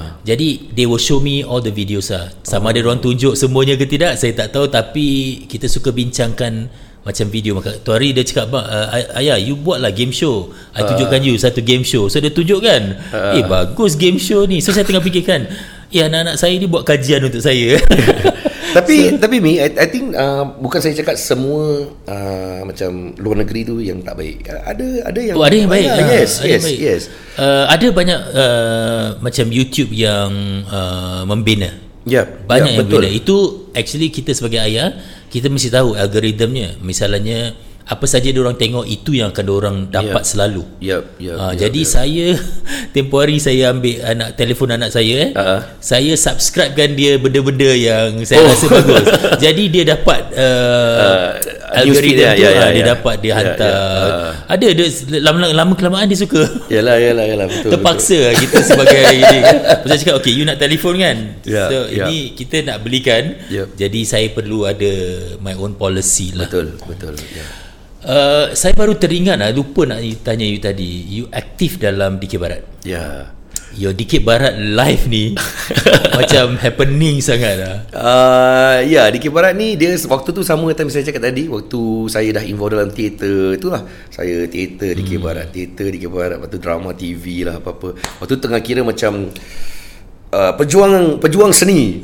Uh, pejuang seni. Uh, waktu tu kan uh, macam waktu dulu tu bila kita buat teater bila kita buat di Barat ni semua kita berjuang untuk seni. Tapi bila dah dewasa sikit berjuang untuk seni untuk hidup untuk duit. Itu itu. Itu ya, nak kena tambah tu. Uh, itu kena tambah. Uh, sebab tu di Barat tu saya think saya mula pada Kira kalau ada orang cakap berjuang untuk seni, you apa you punya reaksi? Saya macam, hmm. I mean, kalau waktu tu saya cakap, yes! Kita betul berjuang untuk seni. Kalau bukan kita, siapa lagi? you know? Ah, tapi bila agak-agak dari macam kita berjuang untuk seni, tapi Okey ada tak? Kat kosong lagi. Itu, ah, itu penting tu. Ya. Sebab tu kadang bila tak tahu eh. Kadang-kadang ya, bila veteran macam kita waktu saya kecil tu ada veteran macam cakap macam kenapa dulu abang gini-gini tak payah tak ada duit pun tak ada apa tak ada gini you know, tak payah keluar duit you know, tak payah nak eh, tak tak minta pun tak demand pun. Uh, tu waktu tu saya kita faham. Pasal kita dilatih untuk macam itu kan tapi okey 2 3 tahun bawa-bawa. Tapi bila dah kahwin tu macam macam mana abang tu cakap eh? Dia cakap tak payah demand Tak payah apa Habis tak ada payah duit. Macam mana? Habis dia dulu Macam mana eh? Uh, Ini semua Maksudnya macam keadaan lah. Uh, uh, Kadang orang mungkin, akan, Mungkin dia tak nak letak harga ya. Tapi mesti tetap dibayar lah kan? Dibayar lah kan? Tapi Ah, uh, wait well. Okey, Diki Barat tu memang tak ada duit lah kan. itu pejuang seni lah. But kan? itu memang you uh, pasal sekarang you are heavily involved kan in uh, Diki Barat ke oh, atau no, no, no, no, no, no, no, no, no. Cuma you, okay. cuma dia orang kadang interview saya pasal kira konon-kononnya uh, orang lama Diki Barat lah maksudnya. Oh. Saya dah, dah dah tak aktif dalam Diki Barat dah lama dah. Hmm. dah. Tapi dah banyak menang apa Boleh lah juara terbaik. Karut terbaik kan. Karut, lah. okay. Ah, ya, okey lah skill DK Barat ni actually saya rasa especially macam yang uh, uh, ke uh, spontannya uh, seorang uh, karut karut tu uh. itulah kemahirannya saya rasa lah saya hmm. bukan uh, yeah.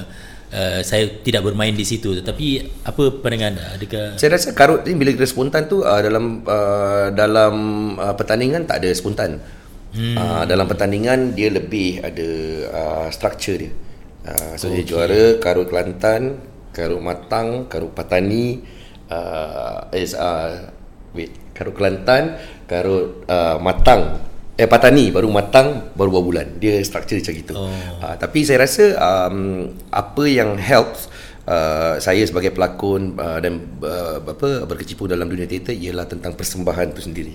Jadi untuk macam mana nak buat dia lebih menarik sebab setiap kumpulan dah ada struktur macam gitu. Uh, tapi apa yang boleh buat menarik ialah dalam segi lagu, seni kata.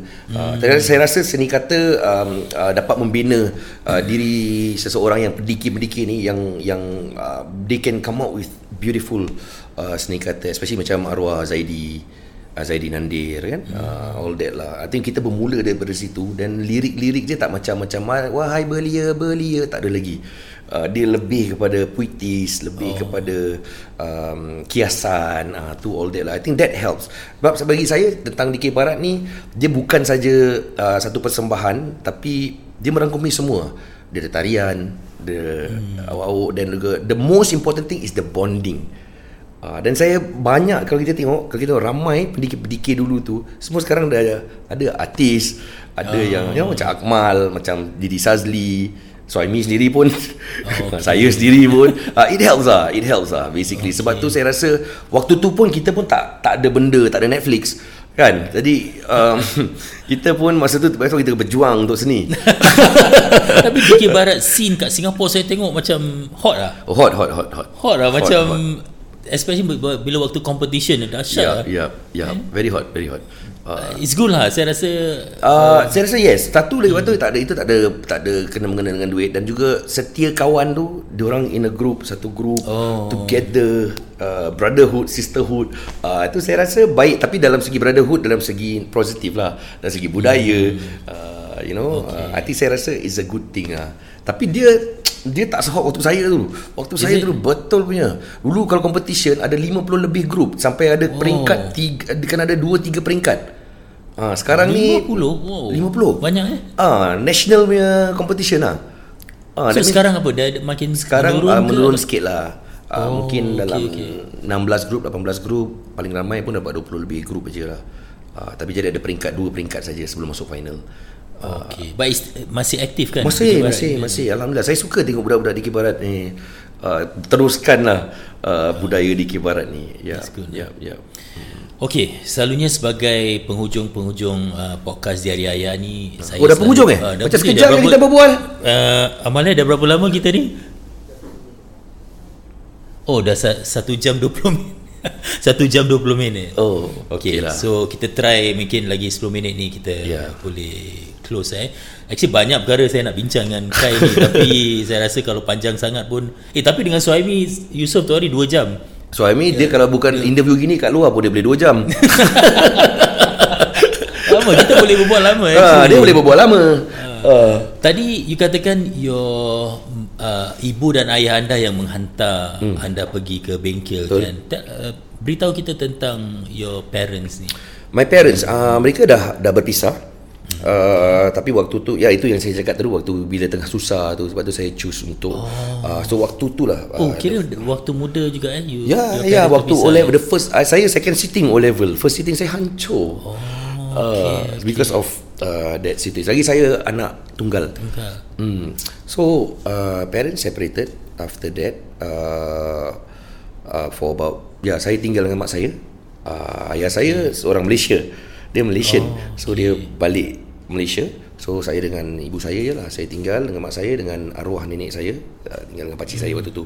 So okay. uh, O level then I took my O level Alhamdulillah lah the second one then that's why I managed to go to uh, poly. Tapi saya tak nak sebab asal kewangan kan. Kewangan uh, pasal uh, waktu tu saya fikir saya tak nak susah dengan mak saya.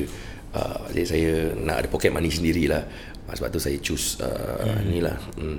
so um, saya tapi saya tidak berbual dengan tapi tak berbual ataupun tak bukan tak berbual.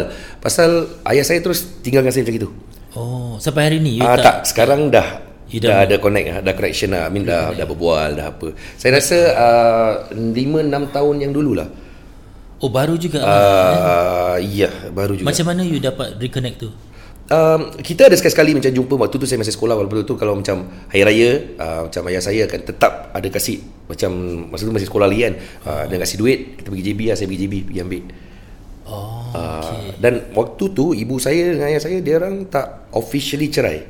So ibu saya bergantung tanpa tali waktu for about few years. Uh, baru tahun berapa? Dapat 10 years ago baru 10 ke 12 years ago baru she like kita buat the process of like macam missing person uh, publish okay. advertise uh, baru dibenarkan untuk uh, di mahkamah uh, pergi mahkamah saya terpaksa pergi lah sebagai witness lah Uh, itu yang satu soalan ni saya nak share je lah satu soalan ni uh, judge tanya awak rasa muka awak macam bapak awak tak Ah, dia tanya gitu. Ya ke? Soalan apa ni? Itu okey tak apa okey lah tak apa itulah itu saya nak share okay. ya. Ya ke? uh, saya macam uh, ag- agaknya macam gitu mahkamah mana ni? Ya Allah. ya yeah. yeah but I have to go to mahkamah to to to endorse that Okay. Uh, yeah. So basically that dan lepas tu baru uh, ayah, ibu saya di boleh uh, apa uh, kira go the process of penceraian. Because my father okay. cannot come in. Oh, okey okey. ya. Bagaimana hidup anda waktu masa ni? Yang you tadi cakap ibu you bergantung tanpa tali dan sebagainya. Hidup you macam mana? Um, Pasti banyak cabaran kan? oh First- banyak first banyak cabaran, you- banyak. Saya uh, secara jujur saya banyak bercampur lah dengan uh, mungkin kawan-kawan yang kurang hmm. uh, uh, aktiviti-aktiviti mereka. Tapi alhamdulillah um, pengalaman um, sebab tu mungkin hanyut saya boleh deliver. Oh ya, okey Ah, okey. ya. Sekarang saya faham. saya nampak you. Okay, sekarang saya faham. Ya, Okey. okay. tapi um, saya sekadar uh, pasal saya seorang uh, hmm. tak ada adik-beradik. Jadi waktu bila balik sekolah tak ada apa-apa. You know, uh, nothing okay. much. Tapi waktu tu pun tak ada Netflix. Kalau Netflix hmm. mungkin saya boleh binge watch kan, tapi tak ada uh, Ha, oh, Okey. Bagaimana hubungan anda dengan ayah anda ni sekarang? Alhamdulillah sekarang Saya okay. ada marah lah. Saya marah dia waktu tu macam I mean you shouldn't do this lah. Hmm. uh, Tapi uh, perpisahan tu pun pasal uh, orang ketiga. Uh, So Ya saya betul marah lah. Oh, okay. uh, So marah waktu tu. Dan saya marah sebab uh, Tinggalkan mak saya macam itulah kan. Uh, waktu- Tapi Tapi tak ada marah macam saya marah Marah Marah verbally tak ada. Semua saya tak Not in really in contact macam tu Tapi ya, sekarang Alhamdulillah lah You dah maafkan dia tak? Dah Dia minta maaf dengan saya Oh, okay. Hmm. How was that? That moment is mesti satu moment yang macam Sebenarnya Sedih tak? Sebenarnya waktu uh, uh, Yang saya minta maaf tu Saya dah maafkan dah Dah lama Oh. uh, Sebab tu mungkin kadang-kadang orang tak tahu uh, Kadang-kadang benda-benda gini eh Dia boleh membentuk Ataupun boleh uh, Boleh mema- mempamerkan Perwatakan seseorang tu lah Macam saya sendiri Mungkin kadang-kadang mungkin uh, Waktu tu mungkin saya a bit rebellious. Uh, Mungkin ada orang ada orang cakap Tapi Alhamdulillah mungkin tak ramai tahu. So Jimmy pun tak tahu kan? Saya tak tahu. Ah, Sebab Hari- tu. Betul, saya pun tak tahu. Uh, sebab tu saya pun macam mungkin tapi ada orang yang tahu orang macam macam orang tak faham. Uh, orang akan macam oh, asal dia ni gini macam gini eh. Uh, mungkin dalam industri. Uh, orang macam gini hmm. tapi but bagi saya mm, sebab tu saya dah lali lah. Macam komen-komen ni semua saya dah lali sebenarnya. Oh, uh, sebab yang penting yang, yang maksud saya tu macam orang mm, you don't know me so I think you may maybe assuming so fine lah tak kisahlah kalau betul aku akan terima kalau tak tak betul uh, aku pun maafkan kau okay. uh, but that part eh, kalau you tanya I about my dad tu um, actually I dah dah, dah lepas tu dah bit dah dewasa bit mature macam rasa macam ah, sudahlah sudah tu sudah hmm. uh, so I'm okay with uh, nanti sampai sekarang lah uh, Alhamdulillah okay. Your mom sekarang umurnya berapa? Your mom? 61 So, Eh wait wait 1951 lah 1961 kena lebih 61 uh, Okay. okay. nak dekat 69 sorry uh, okay. So dia membesarkan you seorang lah kan? Uh, uh, Okay Okay my my mom and dad Dia uh, Bila masa le- lepas hari Dia tak menjaga saya Arwah uh, nenek saya yang jaga saya Oh, okay. uh, So sampai saya darjah 4 Baru saya balik ke Ibu dan ayah saya hmm. Dan Sampai sec 4 Uh, sec, dia dia punya tu sec 3 sec 4 dia dah start lah kan uh, sec 4 tu terus dia orang dah berpisah uh, so basically yalah my mum but mm, sometimes I work uh, kerja hmm. uh, and all that lah macam macam gaji tu 300 Saya rasa not easy pasal you seorang eh. Ah, I can't not easy. imagine lah. Saya tak macam orang yang tak faham orang yang tak tahu mungkin um, mungkin orang akan cakap macam macam-macam lah, macam perwatakan saya macam gitu macam gini. Tapi saya rasa alhamdulillah saya dapat kontrol lah. Saya tak se-rebellious uh, yang lain uh, sampai nak keluarkan sampai Facebook ke tak lah kan. Kalau sekarang lah. Uh, saya rasa alhamdulillah saya dapat kontrol lah. Saya rasa pengalaman ini okey ker- kerana saya pun baru tahu kisah anda ni. Pengalaman yang macam gini bagaimana ia membentuk your character, membentuk diri anda ni. Dia buat saya lebih dewasa I think more streetwise hmm. Also sebab dalam pencampuran Dan okay. mudah untuk saya actually berbual dengan anak saya juga I can actually oh. talk uh, I mean of course lah some lingos And some uh, jargons tu kena tanya orang Eh ni apa ni? Apa ni? OG ni apa OG? Uh.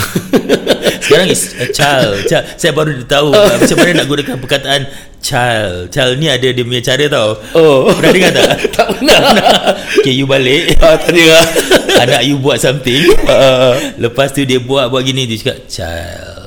Ah, nanti nanti dia bilang no terperanjat. Saya baru ni saya baru belajar. Oh tu apa tu kira? Kira macam Ah, budak-budak Tak dia macam uh, okay you buat sesuatu kan macam ala child. Dia dia dia child tak ada d tau. Oh Bukan child dia Oh. Child gitu je lah Oh, okay. Ah, The makna sebenar saya tak tahu Tapi ni satu reaksi Ekspresi, eh, ekspresi. ekspresi. Oh. Macam Saya saya pernah macam cakap-cakap-cakap Lepas tu Bagi orang nonsense lah Apa yang Ah, saya cakap ni ah. nonsense Nanti dia cakap Child Ah, Dia macam lame lah Agaknya lah ah, Agaknya lah Ah, okay, okay, okay. Apa eh You all tahu tak makna dia You pun tak tahu eh oh, Agaknya baru lah ni Baru lah. baru Latest lah. Latest ya, ya. ah, Masya Allah Yang okay. membentuk saya tu eh, balik balik pada Balik pada, dia. okay. Bentuk saya tu I mean I do not want that to happen to my kids lah what I've I've gone through. Uh, jadi that's why kadang-kadang uh, walaupun macam mana sibuk pun kalau saya cakap it's just a buzz away. Eh, jangan kan sampai anak sekarang anak saya sekarang hmm. ada macam ada masalah macam pak I got this problem lah macam anak saya pun punya barat juga yang first Oh, Ah, okay, dia okay. kata pak can can you tell me what to do uh, for my group and that kind of stuff Oh bagus eh Dia Ah, report to you first eh. ah, Tak dia tanya lah kalau perlu. Okay. Kalau tak, saya memang latih anak saya to be independent. Uh, saya macam cakap tak tahu eh mungkin saya independent sebab tu uh, tapi at the same time kalau macam kita ada berbuat uh, dalam dalam family kalau kita makan tapi saya make a point lah kita merasa ada macam at least pun at least once uh, twice a month to have to be together pasal budak-budak sekarang ni banyak keluar pergi sekolah pergi apa tak dapat sama-sama Yeah. Ah, so, oh, ini ini saya nak belajar. How macam mana anda membuat mereka ber- berdikari? How do you teach them how to be independent ni? Uh, for me, um, saya akan beritahu, diorang akan beritahu saya, saya akan tanya, macam setiap kali kita jumpa, saya akan tanya, sekarang tengah buat apa?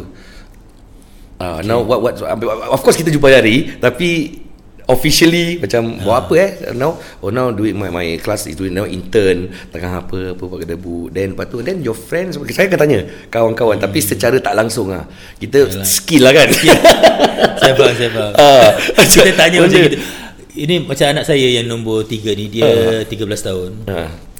Dia tak berapa suka kalau saya tanya dia macam mana sekolah? Sekolah okey? Dia, Ah. Diorang takkan jawab dia macam ah gitu je kan. Diorang tak suka soalan tu. Ya, ya, Jadi ki- saya nak kena pasal kita orang suka interview orang kan. Ya. Jadi kita okey kalau gitu aku tanya kau soalan yang lain. Ya. Eh, uh, macam mana uh, tu hari uh, your kawan tu ini kan dia sakit kan? Ah. Jadi Ya. soalan dia lain tapi jawapan dia kita dapat. Ya, ya. Jadi kita ubah soalan lah bukan bukan dia orang budak-budak ni sekarang dia tak suka soalan yang sama. Ya, macam anak saya yang nombor ti, nombor tiga tu saya akan tanya pasal kawan dia. Uh, dia akan cakap saya. Uh, saya pun tak tahu. Kalau let's say for example eh, macam info-info yang saya tak tahu, saya dapat tahu daripada ni. Macam saya cakap, eh, uh, your friend Cheng Wei that day uh, just pass dia punya uh, car license lah. Ah, apa ya? Yeah. Then, then tak beli kereta. Macam itu bapak dia. Kita walaupun soalan bodoh kan tapi kita kena Terpaksa tanya. kita kena macam ini adjust kan. Tak lah dia kata but he use his father's car lah. Dia orang kaya you know dia kata tahu lah. Dan lepas tu saya akan tanya dan lepas tu dia akan keluarkan satu info macam you know what not? I got a lot of Chinese friends lah now. How ah? And I I scared my Malay macam itu ah Oh. then Ah, itu dari saya- situ, dari ah, situ, ah, betul, then betul. saya akan saya cakap no cannot. You kena kena berbual Melayu. Hmm. uh, so now kat rumah you kena berbual Melayu Uh, but try to okay. find to try to find lah. Saya cakap tak Yeah. tak paksa. Uh, so that's how lah. Uh, okay, saya, saya I really agree. Tempoh Ah. hari anak saya baru potong rambut eh. Uh, Jadi saya cakap dengan dia lah, eh sepitlah rambut pasal apa rambut dia terturun. uh, Jadi saya nak tahu keadaan dia kat sekolah Saya cakap kau Mai ayah tolong sepitkan So saya sepitkan Saya cakap dengan dia dulu Ayah ada crush dengan Budak perempuan yang pakai sepit macam gini tau Oh. Sekali dia bilang apa eh, Dia cakap pasal Kelas dia siapa Crush siapa Ah, yeah. dia cakap, cakap dan baru saya dapat tanya you ada crush dengan siapa-siapa Ah, siapa ya. ada crush dengan you tak Ah. ah jadi dia macam itu tau Correct, secara correct. macam tak sengaja Ya, ya. padahal kita tak plan nak cakap benda tu pun Ya, betul betul betul betul. Ah, I mean I think dia nak kena macam dia tak boleh straight. Dia nak kena macam mm, pusing balik. macam benda-benda yang macam saya cakap ni macam explicit punya apps ni semua. Hmm. Ah, tu daripada ini lah. Walaupun dia macam anak aku dengar gini macam tapi muka kena cool lah. oh, is it? Oh, macam gitu. betul betul sangat. Tu kita action kita bapa ni yang action cool eh. Anak saya uh, 16 tahun dengan 18 tahun. Ah, Diorang tengah cakap pasal boys lah okay. Uh, sekali dia cakap Eh kau No lah I'm into Korean uh, I think Korean boys Saya, saya suka Eh alamak boys Saya dengar benda tu Boys saja Terus saya makan Macam dah tak lalu Tapi Ah, terus ah, makan ya, ya. Dengarkan Action, eh? Dengan Ah. action Dengan Dengarkan dengan uh, Satu Apa tu Dengaran yang Betul-betul memantau Tapi Padahal tengah nervous Ya lah, that's why, that's why, that's why, that's why. uh, Okay lah Di perjalanan seorang ayah macam ni Betul, eh. betul, betul. Okay Kai, uh, terima kasih kerana sudi eh. I really get to know you more kat sini okay. pasal banyak benda saya tak tahu. Can I get your apa tu boleh saya tahu your nasihat eh untuk mungkin new fathers lah. Hmm. New fathers yang sedang menca- sedang membesarkan anak-anak. Hmm. Saya rasa apa yang saya lalui ni um, dia bukan sekarang saja tapi uh, especially bila kita untuk diri saya sendiri eh saya tak nak uh, anak saya kekurangan ke apa-apa jadi saya kerja. Uh, jadi bila saya kerja kerja kerja kerja kita tak banyak waktu dengan anak mungkin hmm. tapi saya make a point that uh, benda ni kena buat maksudnya at least ah at least once a week you must must sit down with them. Kalau tak dapat berkumpul ramai-ramai kita can go individually with them. So now kita ada um, like say macam WhatsApp ke apa-apa I will sometimes ask how are you? Uh, kalau kita tengah kerja or whatsoever. Tapi best is dapat kita harus ber, duduk sama-sama makan. Hmm. uh, kalau let's say tak boleh tak dapat berjumpa. Sebab anak-anak ni kadang-kadang bukan kita yang busy dia orang pula yang busy. Dia orang ada aktiviti lain ada apa-apa jumpa kawan or whatsoever kan. Uh, untuk diri saya busy macam mana pun um, I think family comes first lah uh, family hmm. penting lah macam mana pun kita dah macam saya pun dah lalui macam misalnya kita down macam mana pun kita akan balik rumah kita akan back to the family yeah. uh, sebab uh, kita boleh cerita dengan kawan kita boleh share dengan kawan tapi how much can they uh, help because kita bukan cakap kalau kita tak boleh tolong kita tapi diorang pun mungkin macam uh, should I or shouldn't I because takut kita nanti orang ingat kita kepo ke apa kan macam hmm. gitu kan so saya rasa at the end of the day family lah I think apa pun untuk ibu dan ayah yang di luar sana macam mana kita sibuk pun saya rasa kita harus adakan masa untuk yeah. anak-anak.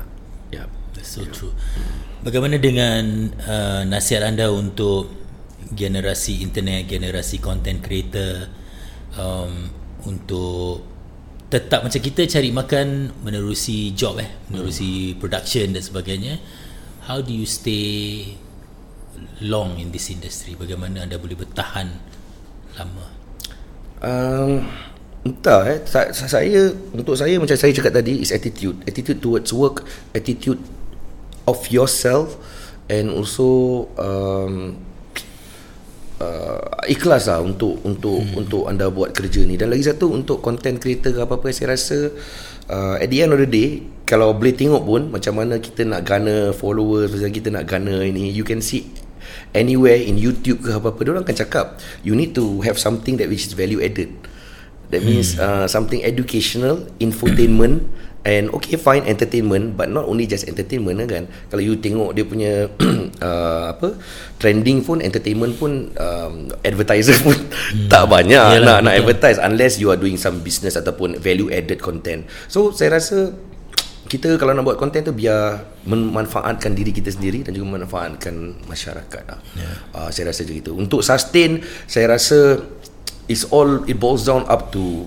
your your yourself. Bukan saya cakap saya 100% perfect setiap kali. Oh, ada show. Okay, saya pergi show sekarang. Tak. Kita pun ada macam alamak, hari nak kena pergi show ada juga. Tapi but at the end of the day, bila kita fikir balik, kalau kita tak pergi, kalau kita um, uh, apa punahkan harapan orang dan dan komitmen kita sebagai profesional kita tak buat dan itu kan lebih mendatangkan negativity daripada positivity. Yeah. Uh, saya rasa hmm. kita dah commit kita dah dah dah beritahu kes, uh, persetujuan kita untuk membuat sesuatu pergilah.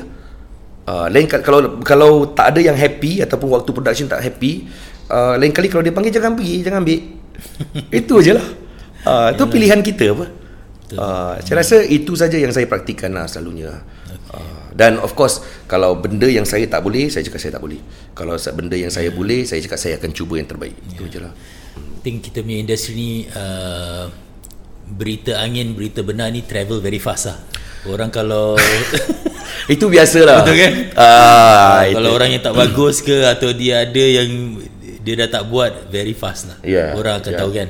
Yeah, yeah. Uh, baik. Brother, thank you so much. Thank Terima you brother. Kasih Terima kasih Sujimi. Bersama saya dalam diari ayah ni and uh, wah, I think I'm learning so much about you lah. I, kita yeah, dah kerja dah tahu dah lama tapi there's so much that I also don't know. Jadi I want to thank you lah. Terima kasih. Thank you so much. Thank you for having me. Terima kasih. Assalamualaikum. Waalaikumsalam. Baik, terima kasih kepada anda. Sila follow uh, apa tu Diari Ayah punya podcast in Spotify, Apple Podcast and uh, follow my YouTube and follow Khairuddin uh, Samsudin punya social media. He's on social media. You have your YouTube. I saw your YouTube, right? Uh, YouTube, FB page. Uh, hmm. YouTube I tak aktif sangat lah Tapi FB page okay. uh, IG uh, I have my Twitter and my LinkedIn as well lah. Are you on TikTok already? Uh, terpaksa Terpaksa Okay so dia yeah. on TikTok yeah, Sila terpaksa. follow dia on TikTok yeah, yeah. Dan uh, jangan lupa kongsi uh, episod ni Agar lebih ramai lagi yang boleh memanfaatkannya Okay terima kasih dan uh, Assalamualaikum semua